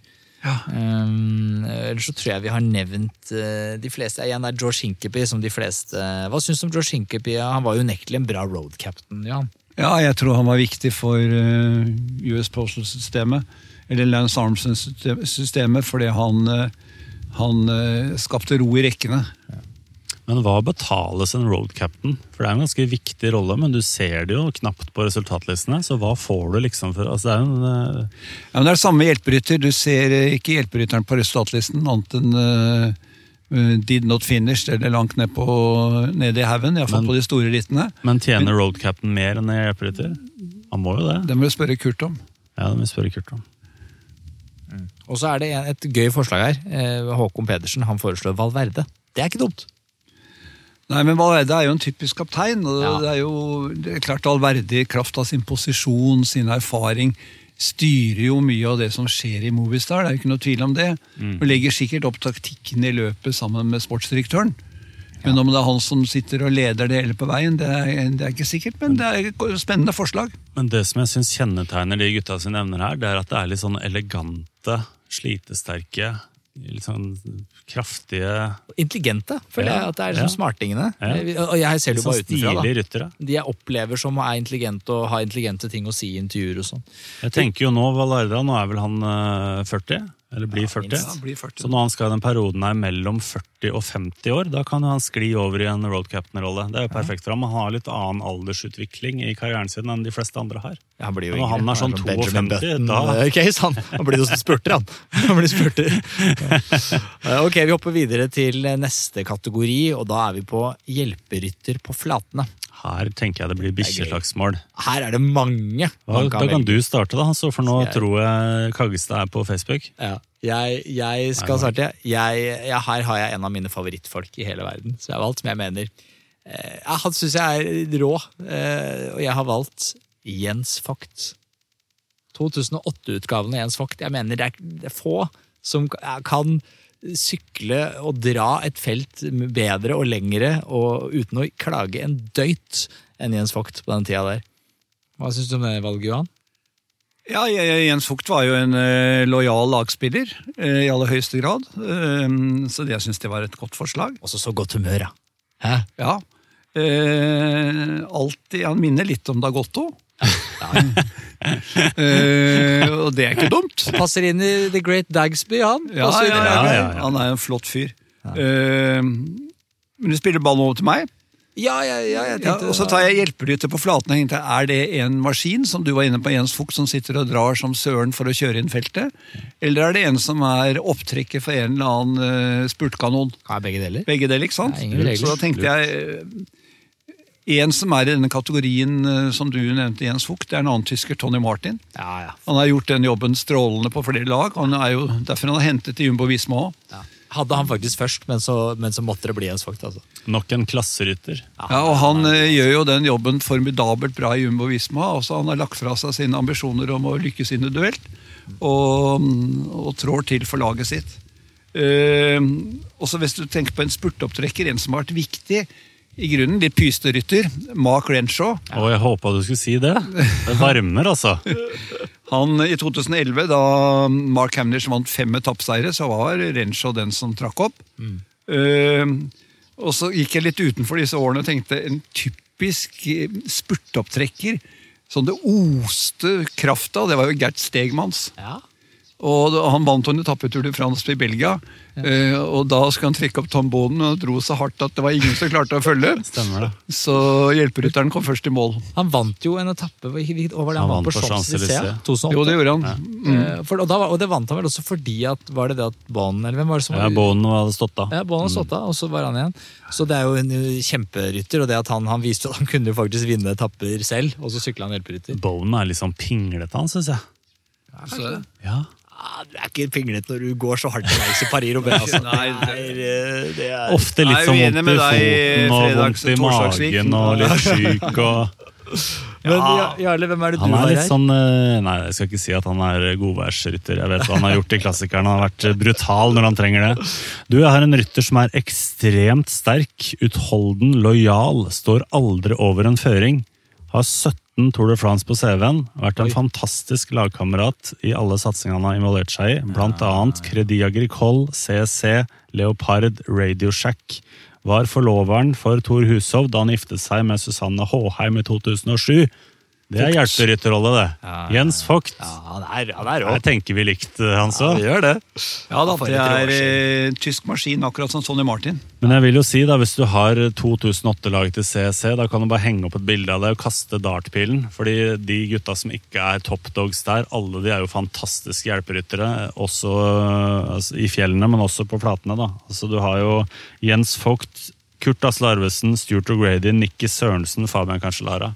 Hvis du kan regne Cancellara som hjelperytter, og det kan du jo faktisk gjøre hvis du ønsker det. Ja. Så det er en uh, brutal gjeng, altså. Vi kan jo se litt på hva vi har fått innsendt her. Det er jo, De aller fleste her er jo litt enig, mer enig med deg, Johan. Tony Martin er det navnet som går igjen mye. Bra, Johan. Uh, og så er det noen som eh, har fått inn Bernie Eisel her. Ja. Bernard Eisel er inne, og det er vel et, uh, ikke et dumt valg. Nei, det er fin, da. og så er det en fyr som jeg hadde på min outsider-liste. Edvald Boasen Hagen. Ja. Altså 2012. en rå, ja, 2012-utgaven av han. Ja. Det er en hjelperytter du ville ha i laget. jeg plasserte plassert han som hjelperytter i fjellene ja, i 2012. Ja, ja, det er sant. det er godt poeng. Det er sant. Det er godt poeng. Eh, og så er Mark Renshaw er det et par som nevner. Eh, Vi har smarte lyttere. ja, vi har det. De er jo smartere enn meg. Det, Mye bra, mye bra innspill. veldig Altså. bra. Ok, Vi skal vel hoppe videre til, til neste, neste kategori. Og da tenker jeg vi kan ta hjelperytter i fjellene. Eh, vil du starte nå, Johan? Da får vi jo liksom litt eh, Ja, jeg kan prøve. Jeg syns den var, eh, som alle de andre, ganske vanskelig. Det. Eh, hjelperytter i fjellene er jo en god klatrer, så kunne like godt havnet i den kategorien. Ja. Eh, og så tenker jeg de utgavene jeg har fått tildelt, så eh, et av de best gjennomførte rittene i Tour de France som førte til seier eh, for en person, det var i 2012 da Bradley Wiggins vant. Mm. Han hadde jo aldri vunnet hvis ikke Chris Froome hadde gjort jobben sin og vel så det. Mm. Chris Froome forsaket vel sine egne sjanser også ved å eh, holde på å styre med Bradley Wiggins. Det var jo litt små konflikter, i hvert fall mellom disse kodene. Eh, men Chris Froome gjorde en formidabel hjelperytterjobb i 2012. Ja, det, Og så er det en jeg alltid har hatt kjempesans for som hjelperytter, og det er han som alltid ser så trist ut og alltid er i dårlig form når man spør åssen det er med ham. Det er Vasil Krienka. eh, han sitter jo Det er jo time på time hvor han har sittet foran og dratt i fjellene. Han er jo såpass god til å klatre at han har vunnet beinharde etapper i Giro d'Italia. Eh, han er verdensmester på tempo. tempo, ja. Eh, Så han er jo den ideelle hjelperytteren, og lojal som bare det, denne hviterusseren. Ja.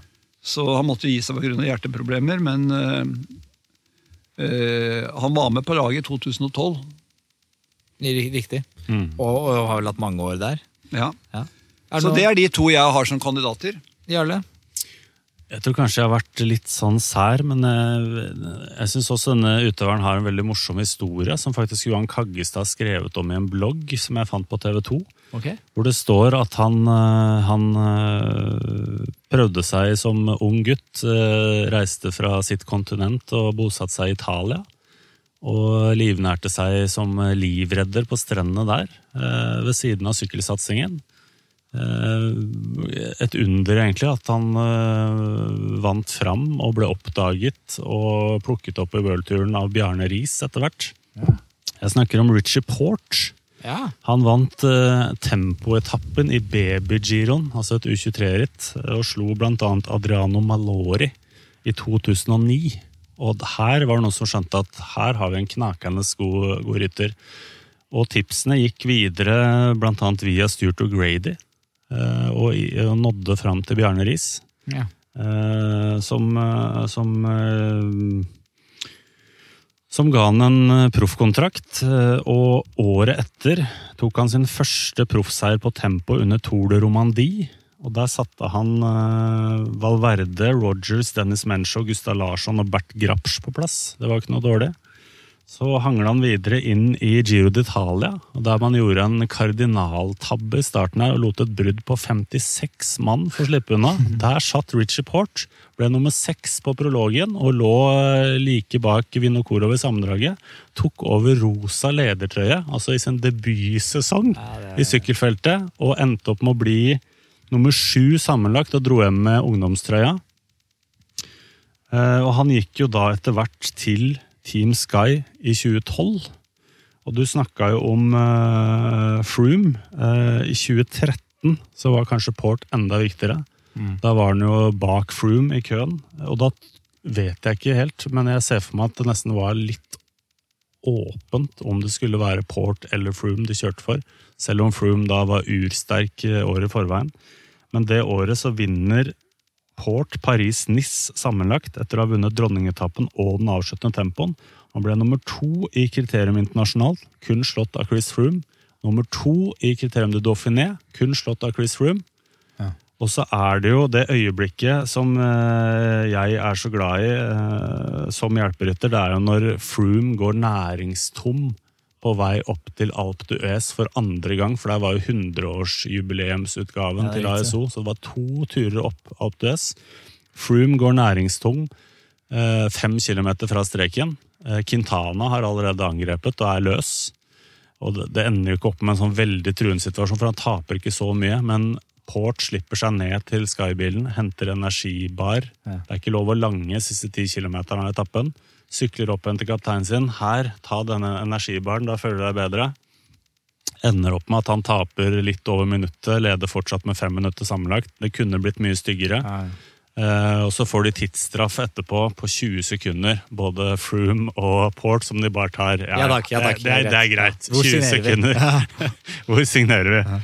Og så har jeg en fi, en veldig hyggelig type. Jeg møtte han i Oslo i forbindelse med Oslo Grand Prix et år. Jeg og min tidligere kollega Petter Tenstad eh, ringte han opp på hotellrommet, spurte kan vi komme opp og gjøre intervju. Bare kom, gutter, jeg stiller. Og da lagde vi jo den saken om giroen og disse tilfeldighetene, og hvor kom du fra, liksom, og hvem er du? Eh, superhyggelig fyr. Veldig Eh, kort, er det Han, ikke? han hadde jo ikke kjørt et sykler før han var over 20 år. Han var eh, middels triatlet fra Tas- Tasmania. Ja. Ja. Og så dro han til Italia på Lykke og Fromme, som du sa. Det er en ganske morsom historie. Veldig lojal fyr. Dessverre så går han litt for ofte på trynet Ja, og ødelegger mulighetene sine. det er derfor jeg vil ha han sine. som hjelper, egentlig. Jeg vil ikke ha han som kaptein Nei. i BMC og check. Jeg syns ikke han er er, god risky. nok. Nei, Vi har sett mange flotte bilder av han sitter og venter på kapteinen sin. Ja.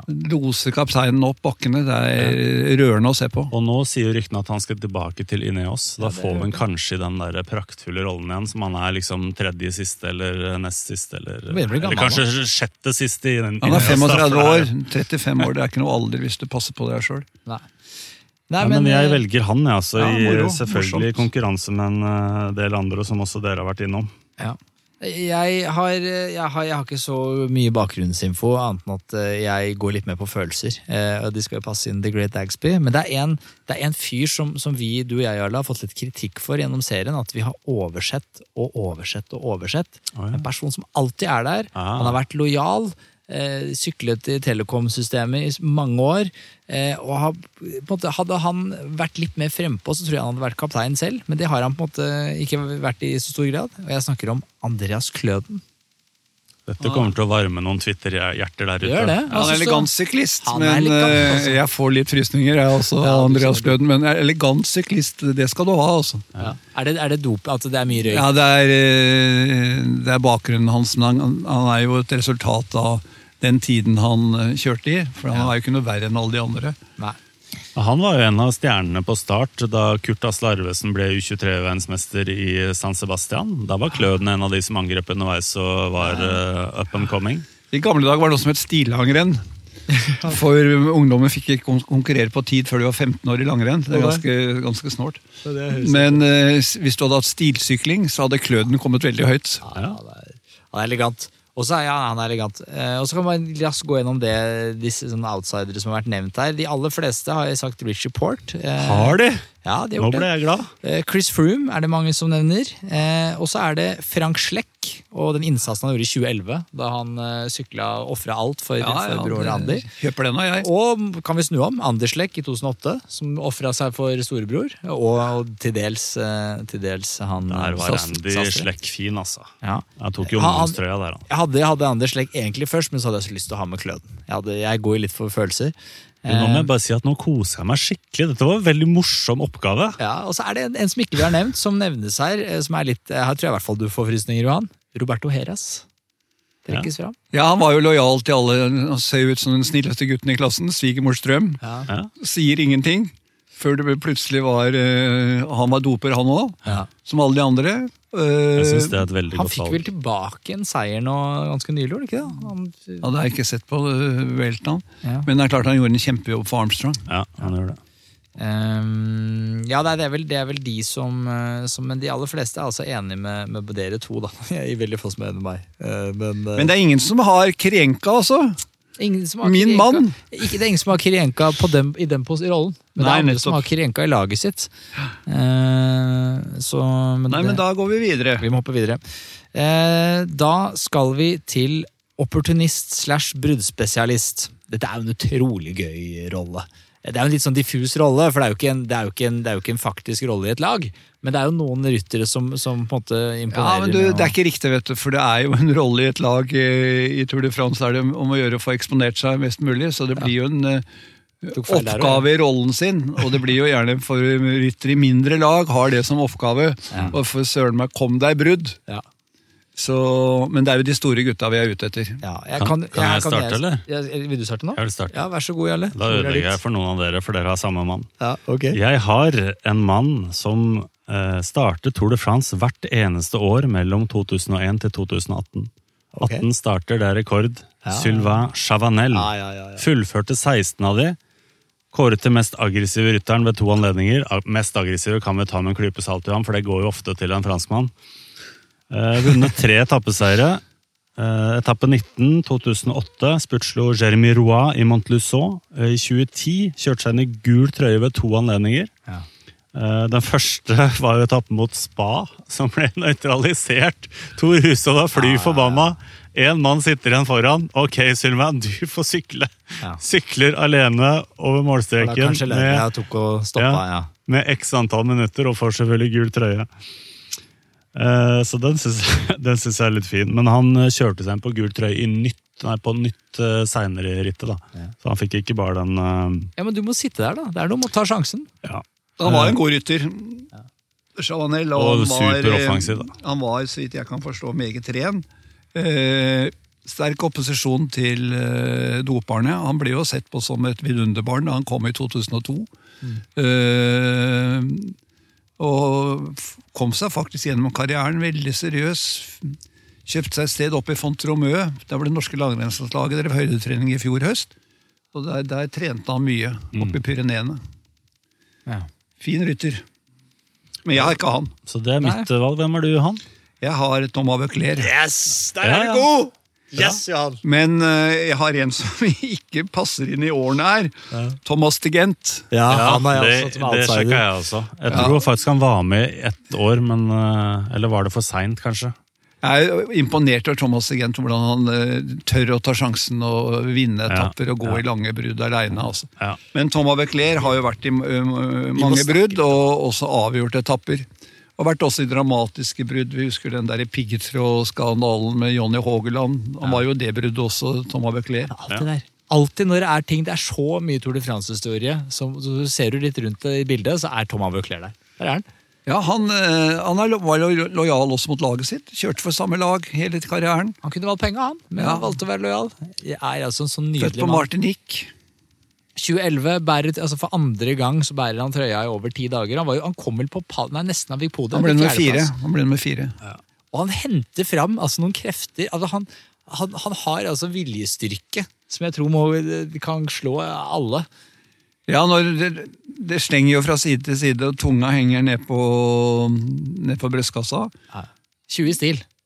Ja, eh, han er iallfall en fighter og har vært forbilde for veldig mange franskmenn. Det er ikke Nå- feil å velge han her. Også, det skal jeg du synes ikke Nei, Var han fransk landslagssjef òg? Er han blitt det? Ja. Ja. Jøsse navn, altså. Nå skal jeg komme med litt sånn pinlig fun fact, men nå bare tar jeg sats. Jeg har tissa ved siden av Thomas Leclerc i Frankrike. Yes. Ja. I renna. Ja, du gjorde det? Ja. Ja, hva, hva, hvor, Verdens største pissoar. Hvor bare sneik du deg bort da, når du så den? Her skal jeg tisse òg. Nei, vi hadde bare samme urinfrekvens, sånn som man kan oppdage nå ute på byen. At du møter samme fyr som skal tisse som omtrent samtidig på samme som deg. syklus? Ja. Ja, det er dritt når det skjer. Så jeg tar med meg det.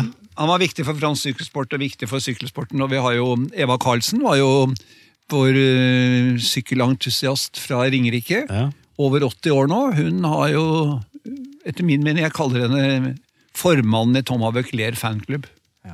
Ja, hun bør vi jo bør vi ha på podkasten. Der er jo du president, så dere kjenner jo hverandre sikkert. Nei, jeg er sikkert, Det høres ut som hun er enda ivrigere enn meg. Hvem har du valgt da? Nå er jeg spent hvis du ikke sier Thomas Nei, det er, det er, det er Thomas Føkler. Altså. Ja, det er det. Og så har jeg jo putta på noen Hva het laget ditt igjen? eh, Det het uh, The Great Dagsby. Ja. Eh, men det kunne hete noe med Føkler, altså. Det kunne, det var ikke dumt. altså, jeg har på noen outsidere her da, som, som er sånn jeg- Man kommer på en måte ikke uten og det, det kan være han fyren her hører hjemme i en annen kategori, men Rishavi Rank. Og her eh, ser jeg jo frysningene. Det Du så at jeg stivna? Og når du først er på stivne, Mikael Rasmussen. Hvis det er lov å si. Hvis det er lov å si. Jeg har noen andre Jeg har skrevet Jens Vogt. Ja, ja, Og så har jeg skrevet eh, en som var uhyre offensiv i 2003. Men nå rynker du på nesa igjen. Aleksandr Vinokurov. Ja, ja, var Der var han et fyrverkeri på eh, rent EPO. Og så vil jeg faktisk eh, nevne Alessandro De Marchi fra 2014. Hvor han ble kåret til mest aggressive. Da var han vond Hvilket år var det Eros Pauli var først over Mont Ventoux? Nå spør du vanskelig. Ja, nå setter du oss fast med en gang. Ja, det var litt av et brudd. Ja. Ja. Men det er nå så. Og så er Peter Sagan er jo, han er jo går jo i bruddene for han har en egen hensikt. da, Ikke nødvendigvis å vinne etapper og være opportunist. Men da kan du jo forsvare Thor òg, da. Han har også vært en sånn villbass i eh, noen øyeblikk. der. Skal vi se hva lytterne har, eh, har her, da. Der er det mye Thomas Feuclair, altså. Det er veldig mye Og så er det et gøy her. Det er veldig gøy. Det er Vegard Vegard Selén. Han har David Moncotier. Ja. Det er ikke dum, Johan. Nei, han, øh, han er en flott øh, rytter, han. Det klinger godt til Tour de France-sammenheng. Ja. altså. Han er jo på konstant jakt etter klatrepoeng. Ja, men det er Thomas Feuclair. Vant altså, jo klatretøyet i Spania rundt var det fire ganger. Ja, Ja, noe sånt. Rekord. Eh, Ja, nei, det er, det, det er, den som, det er Thomas Feuclair som, som går igjen. Men så er det dette taktiske igjen at uh, det er jo noen lag hvor du ikke får lov til å gå i brudd. Nei. Eh, Selv om du kanskje er typen, en offensiv type. og Det er jo interessant å se historien rundt eh, US Postal og Discovery Channel. Eh, alle de seirene til Lance Armstrong. Det er bare én eneste rytter i Nei, to ryttere i de, i de stallene hans i alle de syv utgavene han vant, som vant en etappe. Og det var Paolo Savaldelli som slo Kurt Asle Arvesen, Ja. så vidt det var. Og så var det George Hinkepy som fikk lov til å gå. For det var bestekompisen til eh, Lance Armstrong. Men altså, instruksen var at her skulle de ikke ta noen sjanser med å forsvinne av gårde hvis det kunne føre til den minste risikoøkning for at Lance Armstrong ikke skulle komme ordentlig gjennom etappen. Og det, Det tenkte alle mann til pumpene hvis noe gærent skulle skje. Og Det er jo det samme vi ser i Sky, og dette er noen grunn kanskje at jeg kritiserer Movistar, for jeg mener det er litt sånn, eh, Movistar blir litt sånn kåte på ting. De, da skal de vinne noe brudd, og så er det er rot og virr. da. Når du ser på sånn som uh, Use Postal holdt på, og som Sky holder på, eller Ineos holder på, så er det på en måte, det er, det er én ting som gjelder. Her, Det eneste vi gjør, det er tydelig ledelse, det er tydelig mål. Vi skal vinne sammenlagt. Ja, det er det det dreier seg om. Det er eh, hvem som har syklet fortest fra startsted til Paris. Men det er vanskelig å flytte på Team Sky. da. Eh, Movistar gir oss i hvert fall tilløp til småpanikk, selv om det ikke lykkes. Det er veldig deilig at vi har dem. Det er absolutt. ja. ja. Med, med det de lyseblå draktene. Jeg synes det er Spennende med det laget som nå er inne i en generas et generasjonsskifte. Mye unge folk på det laget. Ja. Det er spennende. Vi hopper videre. Yes. Tempospesialist. Her er det jo mange å ta av også. Hanso, du får starte. Eh, ok, ja, for jeg, jeg Her er det jo mange, mange å, å, å ta om. Jeg har hoppa litt mellom. Jeg hadde eh, jeg hadde først Cancellara, for det er på en måte han i min, når jeg var ung og var sykkelfan, så var han den store temporytteren og, og eh, var verdens beste. Eh, men jeg har gått for et annet valg, og det er Jan Ulrich. Jan Ulrich, altså på sitt beste, han var jo verdens beste temporytter, og hadde han fokusert på det, så tror jeg han hadde, hadde Blitt god på tempo? Ja, ja men han, det ser man jo, han har, var vel, han har vel i hvert fall ett olympisk gull, og han har vel eh, et to VM-gull. Eh, og i 2003 så vant han jo eh, begge tempotappene, i hvert fall den ene.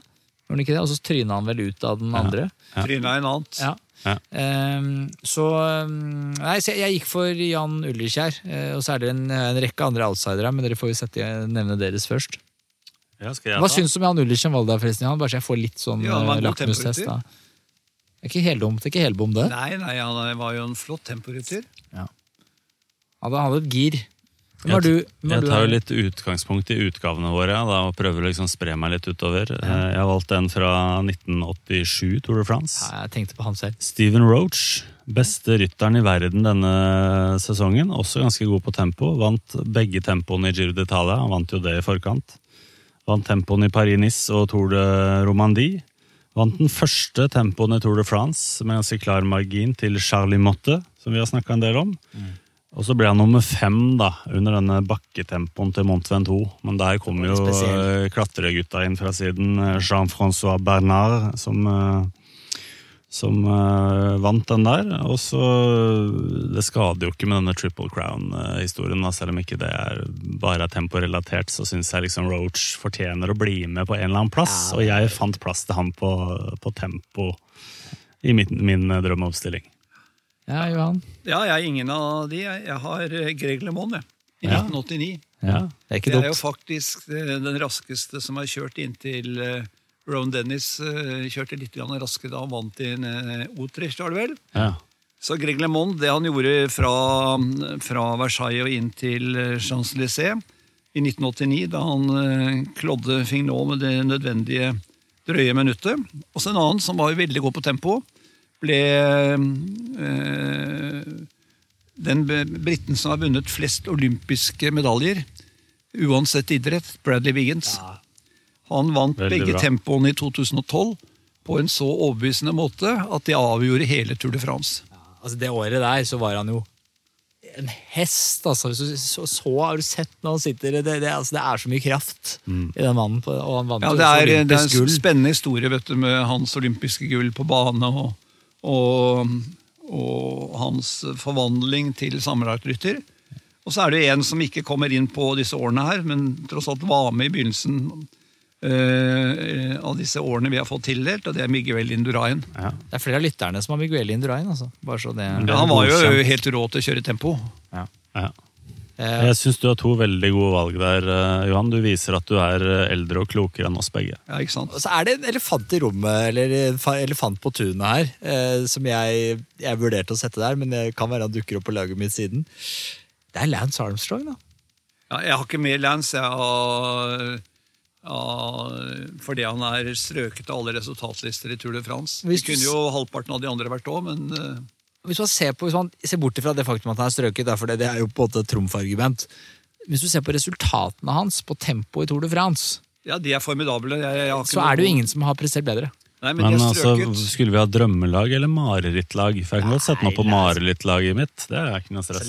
Men la oss gi, gi han den credit at han var god til å kjøre tempo. Ja, han var jo den, så, så, så bra ut. Men, og, og så kan vi se litt på hva de andre lytterne er. Kirienka dukker opp av en lytter på tempo. Eh, Vegard Sele igjen. Vegard Sele har et interessant lag, altså. Han har lagt seg i selen her. Ja, han har gjort det. Eh, ja, og Morten Laupstad, også Vasil Kirenka, så han går igjen. Eh, T- Tony Martin, selvfølgelig. Jakob Nilsen. Tony, Mar- Tony Martin. Eh, han, Wiggins er det mange som sier, altså. Wiggins. Eh, og her er Espen Pedersen. Han er Jan Ulrich. Enig med meg. Ja. Bra, Espen. Er Flink. Nei, Det, det tror jeg er en av de mest intelligente rytterne vi har. Tror du ikke det er det? Neste. Ja, neste kategori. Neste kategori. Um, det er da spurter. Spurter er gøy. Ja, Det er iallfall farlig. Ja, uff. Uff, jeg antar du sikter til eh, Gårsdagen. Ja, her som vi sitter og, og spiller igjen, så er det i dag Fabio Jacobsen, som på mange måter han slo ikke gjennom, men eh, da ble oppmerksom på han, så var det i Grimstad. ja, Under Tour, of, eh, Tour de Fjords. Han vant etappet i Grimstad. Ja. Og da så vi hva det, hva det bodde i han. Han er opplagt på vei til å bli en av verdens beste spurtere, og nå var det så vidt han overlevde dette veltet i går. Ja, Vi får håpe han kommer tilbake. Altså, det er helt, helt forferdelig. Ja, vi sikter altså til de Tour, eh, Tour de Pologne, altså Polen eh, rundt. Der han den der voldsomme avslutningen og det Ja. grynveggen var litt røff i banevalget, og så er det så enormt høy fart. Så vi må håpe at han kommer seg tilbake. Men vi må jo snakke spurter i Tour de France. Um, her har vel alle samme mann? Ja, jeg vil tro det. jeg tror Vi ikke sier det samtidig. Det Er vi klare nå? En. Én, to, tre. Mark Cavendish! Jeg visste du skulle si det, men jeg, jeg har valgt en annen. Tor Hushovd. Nei! nei Robbie McEwan. Kristoff? Nei, jeg har ikke det. Jeg har valgt, Kittel. nei, jeg har valgt Petter, Alessandro Petacchi. Petter Sagan. Nummer to.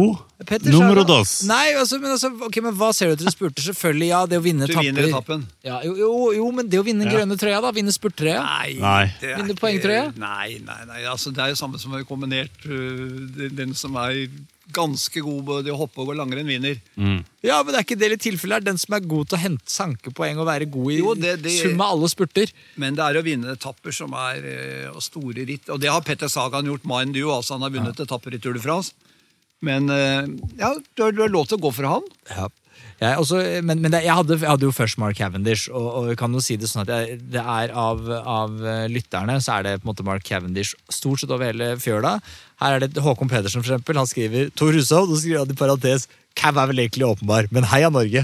Og det, det er jo det ærlige, ærlige svar. Ja. Um, Uh, ja, det er, det er Mark Cavendish som, som Jeg syns bare altså. når det klikker rundt Cavendish, eh, med første HTC-laget og siden i Quickstep, altså når ting sitter, så er det så dominant og så overlegent og så deilig å se på. Ja, og Vi må gi han det at han er den rytteren i historien som har vunnet flest fellesstartetapper i Tour de France. Ja. Og det er alle spurtetapper, Helt klart. Og, og, men, men, men, unntatt én. Når det er nevnt, det, ikke- det er jo en av lytterne her som nevner et navn som jeg Men da trekker du fra noen på Merks? Eh, Altså, ja, te, te, tempotapper du har er jo ikke med tempo, nei. nei Fellesstartetapper. Ja. Jakob Nilsen nevner jo Marcel Kittel. Og, og jeg bare vil ta oss tilbake til Jeg husker ikke hvilken podkast det var, Jarle, men det var, var det Edvald som mente Eller var det eller var det Kristoff som mente at Christoph. i pur kraft Altså bare når du kommer til å klare å generere mest watt, mest kraft, så mente han at Marcel Kittel på sitt beste Ja. sannsynligvis var hadde et enda raskere kick enn det Cavendish hadde, men at Cavendish var så god i felt, og han var så god aerodynamisk på Ja. sykkelen, Ja. som ga han den der kanonkule eh, At han ble skutt ut av som en kule, Mm. som gjorde at han var bedre. Eh, Så det er ikke, det er ikke idiotisk å si Marcel Kittel, altså. Jeg ble litt stolt av dattera mi her om dagen, fordi min kone Camilla har elsykkel og bare kjørte fra oss med lillegutt på bagasjen. Ja. Og min datter Erle blei fly forbanna og skulle kjøre inn disse og mente at hun juksa for hun hadde motor. Og la seg framover i aerodynamisk stilling og bare tråkka på. Yes. Ja, Er fremtidig syklist? Ja, Hvor gammel er hun, da? Seks år. Jeg har ikke sagt at hun skal gjøre det. her. Plutselig så lå hun der i hele. Bune-stilling og bare lå og jobba. Ja, men nå får jo, eh, det er jo- det er jo kvinnesykkel, tror jeg har- har en lysende fremtid i møte, så kanskje du er i ferd med å ale opp en, en kommende stjerne? Er Men en annen som var meg godt å spurte, altså. var ikke så ofte i Tour de France, men han vant en fire etappeseiere i 2003, og det var Alessandro Petacchi. Mm. Eh, og så har jeg en som heter Jean-Paul van Poppel, Ja. som vant Ja, eh, en hel fin. masse etappeseier i 1987. Vi skal ikke glemme Robbie McEwan, da. Nei, også en meget uh, god spurter. Og jeg, jeg syns ikke, når du kan velge f- eh, blant alle, så syns jeg ikke Hushovd når opp i den kategorien her. Nei. Det tror jeg Tore er helt enig i. Ja. Jeg har han på outsiderlista mi, for jeg er glad, jeg er glad i fyren. Ja, ja. Eh, vi hopper videre vi, til klatrespesialist. Um, det er også en veldig gøy kategori. Um, Johan, vil du begynne her, eller? Ja. Eh, ikke lett med de årgangene som er plukket ut. Eh, og i og med at noen av de rytterne som kunne vært kandidater her, har havnet i andre kategorier. Men jeg har Nibali i 2014. Ja. Eh, for da vant han både til La Planche de Belfi, til Chamros og til Haute Cam. Og var jo helt totalt dominerende i Tour de France i 2014. Yes. Var ikke det litt svak, svekket konkurranse? Nei, det Du kan ikke gjøre annet enn å slå de som er med. Nei. Eh, Så hvor svekka det er, det vet jeg ikke. Men han har jo vunnet også Spania rundt og Giro d'Italia, så han er ikke noe smågutt. Overhodet ikke. Eh, og så var jo Marco Pantani god i år 2000. Kanskje ikke det beste året hans, men, eh, men jeg går for Nibali. Mm. Det gjør jeg. Gjør det? Ja, jeg har sånn liten, jeg legger også en sånn liten quiz igjen. Skal se om Johan er våken på andre siden av bordet der. Jeg har eh, El Jardinerito de Fusagasuga. Den lille gartneren, var kallenavnet hans. Begynte å konkurrere på sykkel eh, som 14-åring i 1975. Før det jobbet han på lokale Quintas, som er gårdsbruk i området som er kjent som Ja, Lucho- Hagebyen. Lucho Herrera, da. Hagebyen i Ah. Colombia, på grunn av alle orkideene som blomstrer der. Vi snakker selvsagt om lille, store Lucho Herrera. Ja. Han var jo en eh, han var jo en gjennombruddsmann. Første colombianer som vant på Alpe d'Huez, blant annet. Som amatør. det er ganske vilt. Ja, ikke sant? Så Han var jo såpass populær eh, og tjente såpass mye penger på syklingen at han måtte trene med livvakter, for han ble jo, de ble jo kidnappet, disse beste syklistene, og krevde løsepenger for. Han ble kidnappa. Han ble kidnappa, ja. Ja. Han var, eh, Farc- Farc-geriljaen. Ja. Så det er, ikke noe, det er ikke noe lek å være idrettsmann i Colombia, altså. Nei, det er jo nok å brenne straffespark, så er du engel. Finito. Ja, vi får håpe at det er bedre i dag. Det virker jo sånn. Men jeg har sjekka litt, da, for jeg er jo litt nerd, så jeg sjekka det stedet hvor han har vokst opp. I Fusagasuga. Ja. Og man tenker jo kanskje at uh, han bor jo sånn 3000 meter over havet i Bolivia, han gjør ikke det da. Men eh, den lille byen han kommer fra, den er, er faktisk ikke plassert på Kundi Boyakense-platået, der hvor Bogotá blant annet ligger, eh, i 2400 meters høyde. Eh, Og det stedet han kommer fra, det er 1700 meter over havet, og navnet oversatt til norsk betyr 'kvinnen som gjør seg usynlig'. Ja. Det er ganske magisk. Det er ikke det dummeste stedet å komme fra, det. Og som Johan var inne på, så er jo det her en slags sånn klatrepioner som vant en etappe da han debuterte i Tour de l'Avenir. Jeg tror det var i 82 eller 83. Og så vant han som amatør i 84 på Alpe d'Huez. Og så eh, kom han jo inn i eh, 85, da det var profesjonalisert via Café de Colombia. Eh, Grunnen til at jeg har han på laget mitt, er for at jeg vil ha en sånn pur klatrer. Altså Han skal ikke være noe sånn trenger ikke være noe trussel i sammendraget. Og veier du 55 kilo, så er du ikke noe veldig stor trussel på temposykkelen vanligvis, hvis ikke du spiser EPO i frokostblandinga di. Eh, Så Colombia fikk jo, han hadde en lagkamerat som het Fabio Parra. Han var jo enda mer komplett. Men Lucho Herrera var bare sånn pur, ren klatrer. Han prøvde jo å snike seg opp til Dagotto på i den. Jeg husker jo det. Og da skjønte jo Dagotto at han var i trøbbel, for han kunne klatre, han som kom bak der. Men eh, ja, jeg velger meg Lucho. Den lille trollmannen. Jeg har gått for uh, Andy Schleck, jeg. Bare kaller en spade for en spade. Jeg mener han på sitt beste klatra enormt bra. Og nå sykla jo han ofte for sammendraget, da gikk jo ikke for klatretrøya. altså sånn sett Det kommer litt an på hvordan man tolker kategorien. Men jeg mener sånn som pur klatrer, så syns jeg Andy Schleck var, eh, var elegant. Er du ikke enig i det, Johan? Jo, absolutt eh, en strålende klatrer, men han mangler, mangler etter min mening han manglet litt grann den der siste snerten. Ja. Syns jeg han manglet. Det lytterne har kommet med, så er de aller eh, de navnene som Er det noen som har. Lucho? Hvem har Lucho? Få høre. Ingen som har Lucho Herrera utenom deg. Av det. Nei, her er det en. Ja, hvem er det? Christian. Christian Halvorsen Ja. har Lucho Herrera. Det er sikkert broren til Doffen Halvorsen, eller? Nei, det er Tobias. Pass, pass. Eh, han har Lucho Herrera, altså. Men, Jeg kan også nevne, da, siden jeg hadde ordet for eh, et lite sekund siden, at uh, han tok jo klatretrøya i både Tour de France og La Vuelta i 1987. ja. Det navnet som går igjen, da, det er en, Richard frans, en, ja, det er en franskmann som frysningene henger på alle oss. Det er Richard Virenque. Uh, og så er det en gøy her. Det er Det er en gøy Hvor faen hadde jeg den?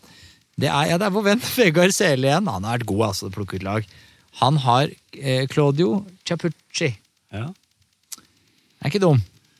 Nei, det er jo mange historier om han. Eh, Du har kanskje lest Briam Brian Holms forklaring til hvorfor Lucho Herrera ble så, nei, hvorfor Chapucci ble så god. Nei. Eh, Det har jo selvfølgelig med kjemi å gjøre. Ja, det er det, ja. Han sa det at eh, vi hadde en liten italiener som var helt håpløs i feltet. Han bare kjørte frem og tilbake og skapte problemer for oss andre syklistene.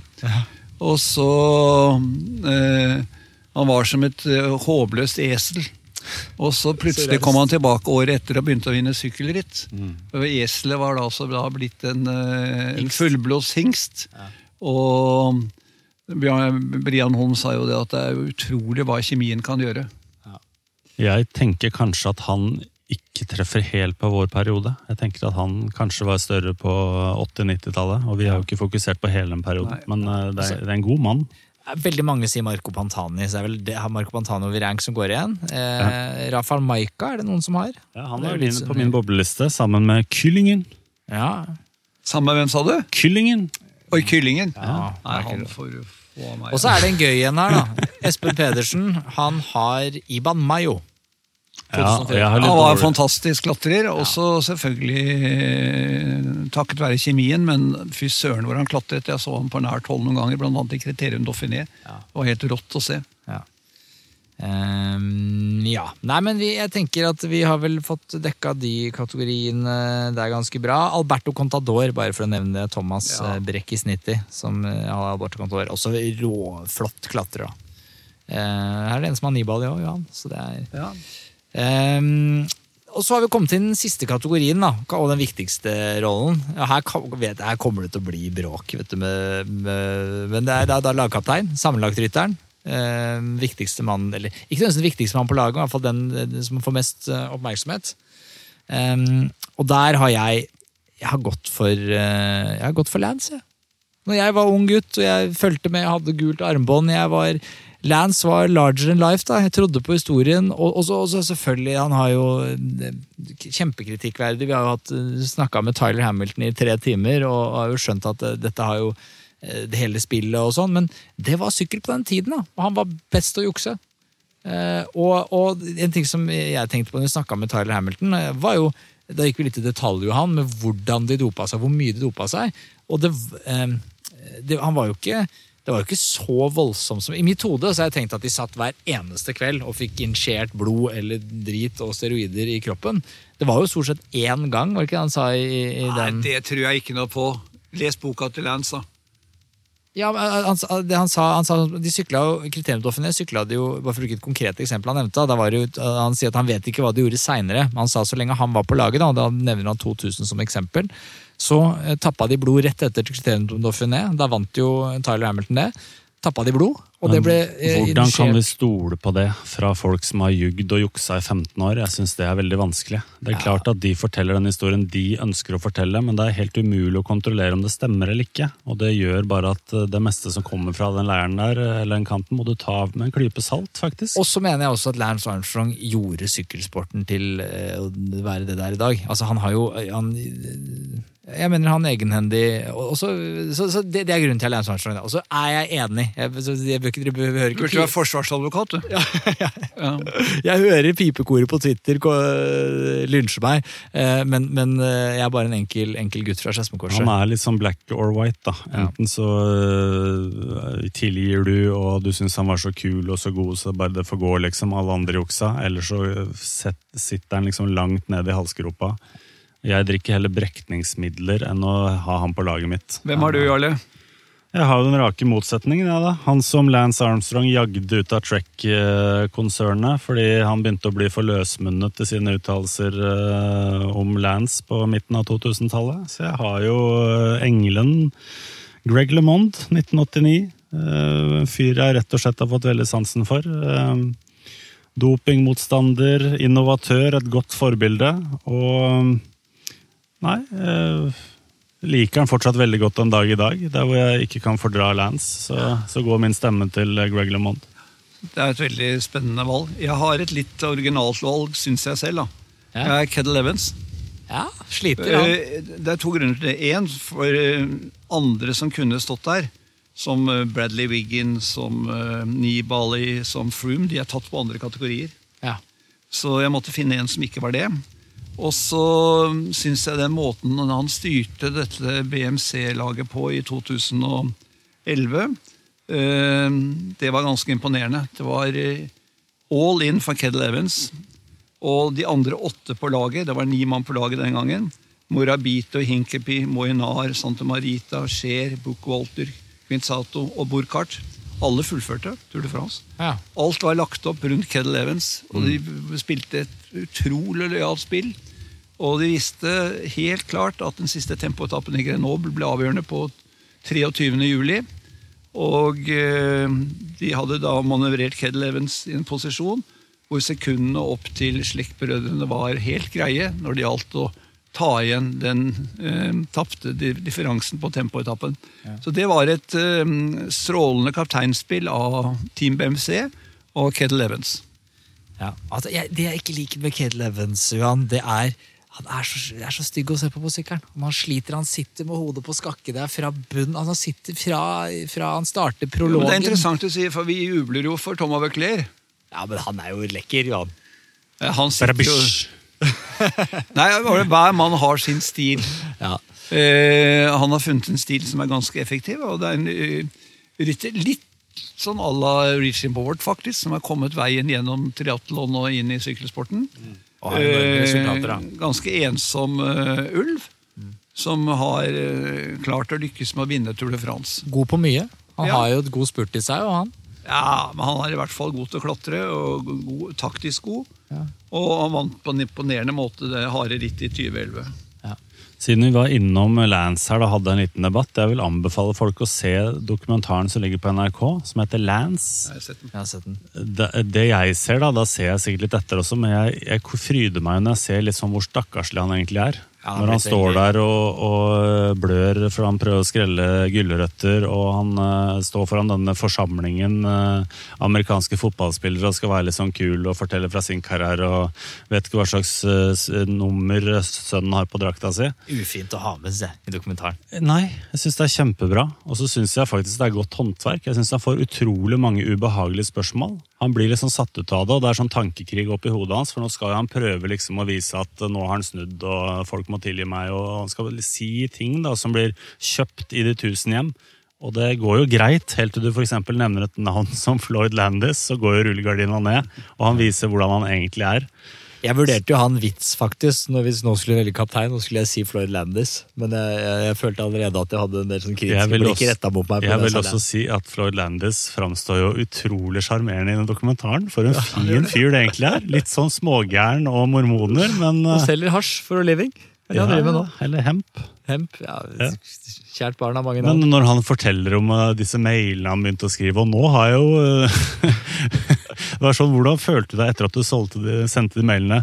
Nei, Jeg sto opp om natta og så skrev jeg litt til, for jeg følte at hvis jeg virkelig skulle gjøre det, så måtte jeg virkelig klaske til. Så, og Vi snakka med Tyler i en del av denne serien også. Det, det er jo ikke alt de har gjort som jeg bifaller, men de skal i hvert fall ha for at de la ting på bordet. da, Og det føler jeg Lance aldri har gjort. Og når han sier ting, så føler jeg at han aldri mener det. Og jeg kan jo nesten ikke finne større drittsekk enn han der. Altså, Men hva er, kan han gjøre? Jeg føler på en måte litt eh, Det har så min, min følelse rundt det. At jeg er prinsipielt motstander og prinsipielt tilhenger av den norske modellen, der man alltid har en ny sjanse. Men har du har du uansett hva man har gjort, så er det lov å angre, og det er lov å bli bedre med mann. Har du fått med tingene han har gjort? Jo, jo, men, men, men jo, selvfølgelig. Men det At han måte sykler opp og hetser de som, eh, som han- skriver om antidoping i avisspalter, eller som, eh, som angir langeren hans. Hva skal han gjøre i dag? Og, og, Kan ta de, og de blir uh, henta inn og spytta på av eh, Lance-sympatisører i feltet. Det er, det er kjempestygt, altså. Jo, jo, Hva men- slags verden vil du ha, egentlig? Nei, men, men, men, Hva slags verden vil du ha? Jeg vil ha en verden der det er lov å gjøre feil og være angrende, angrende synder, og så tilgir man, og så eh, tar man straffen sin. Du Han har jo kalle- unektelig fått en Du kan kalle laget ditt Team Saddam Hussein, du. Stakkars fyr blir lynsja sånn, da, gitt. Hva mener du, Osama Johan? bin Laden. Mener du at det er riktig at vi skal livstidsutestenge folk fra er- all livet? Jeg, altså Lance Armstrong er strøket av alle lister, og da er han strøket av, for meg når det gjelder muligheten å være kaptein på dette fremragende laget jeg har. Jeg syns Ked Levens er en eh, renhårig mann. Han hadde en eh, spennende oppvekst langt ute i ødemarken i Australia.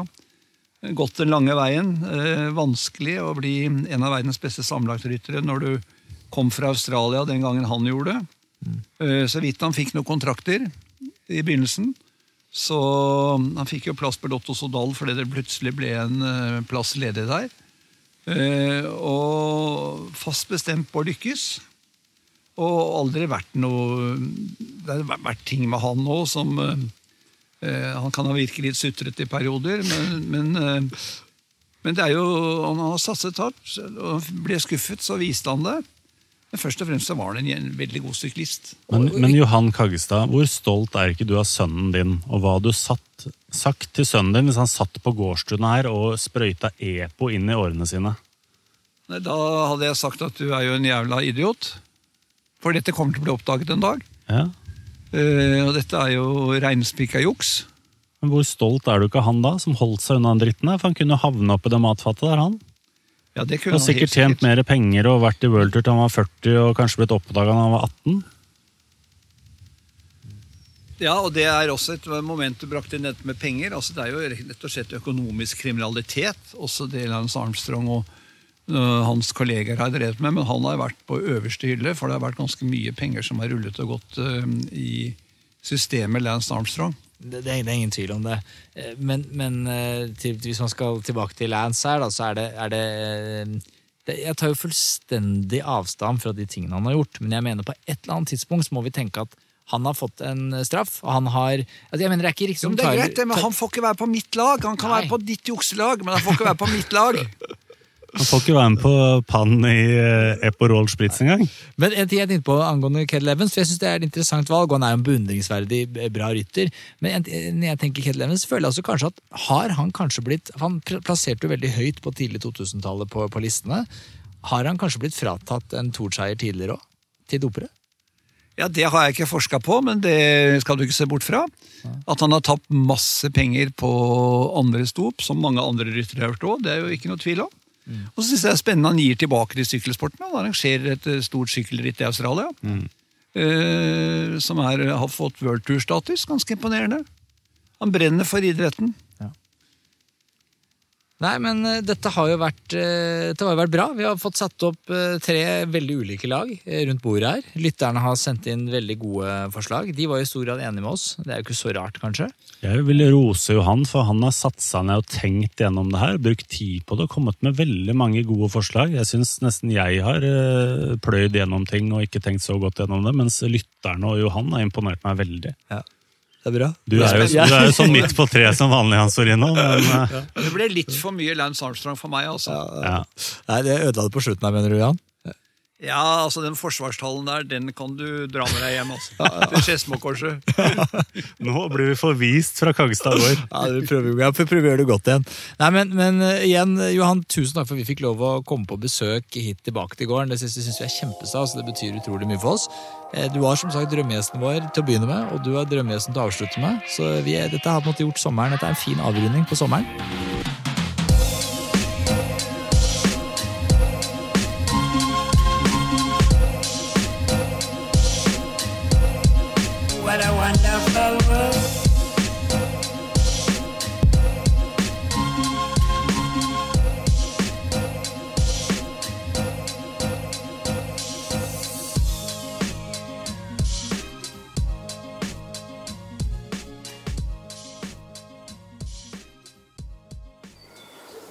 Gode dager.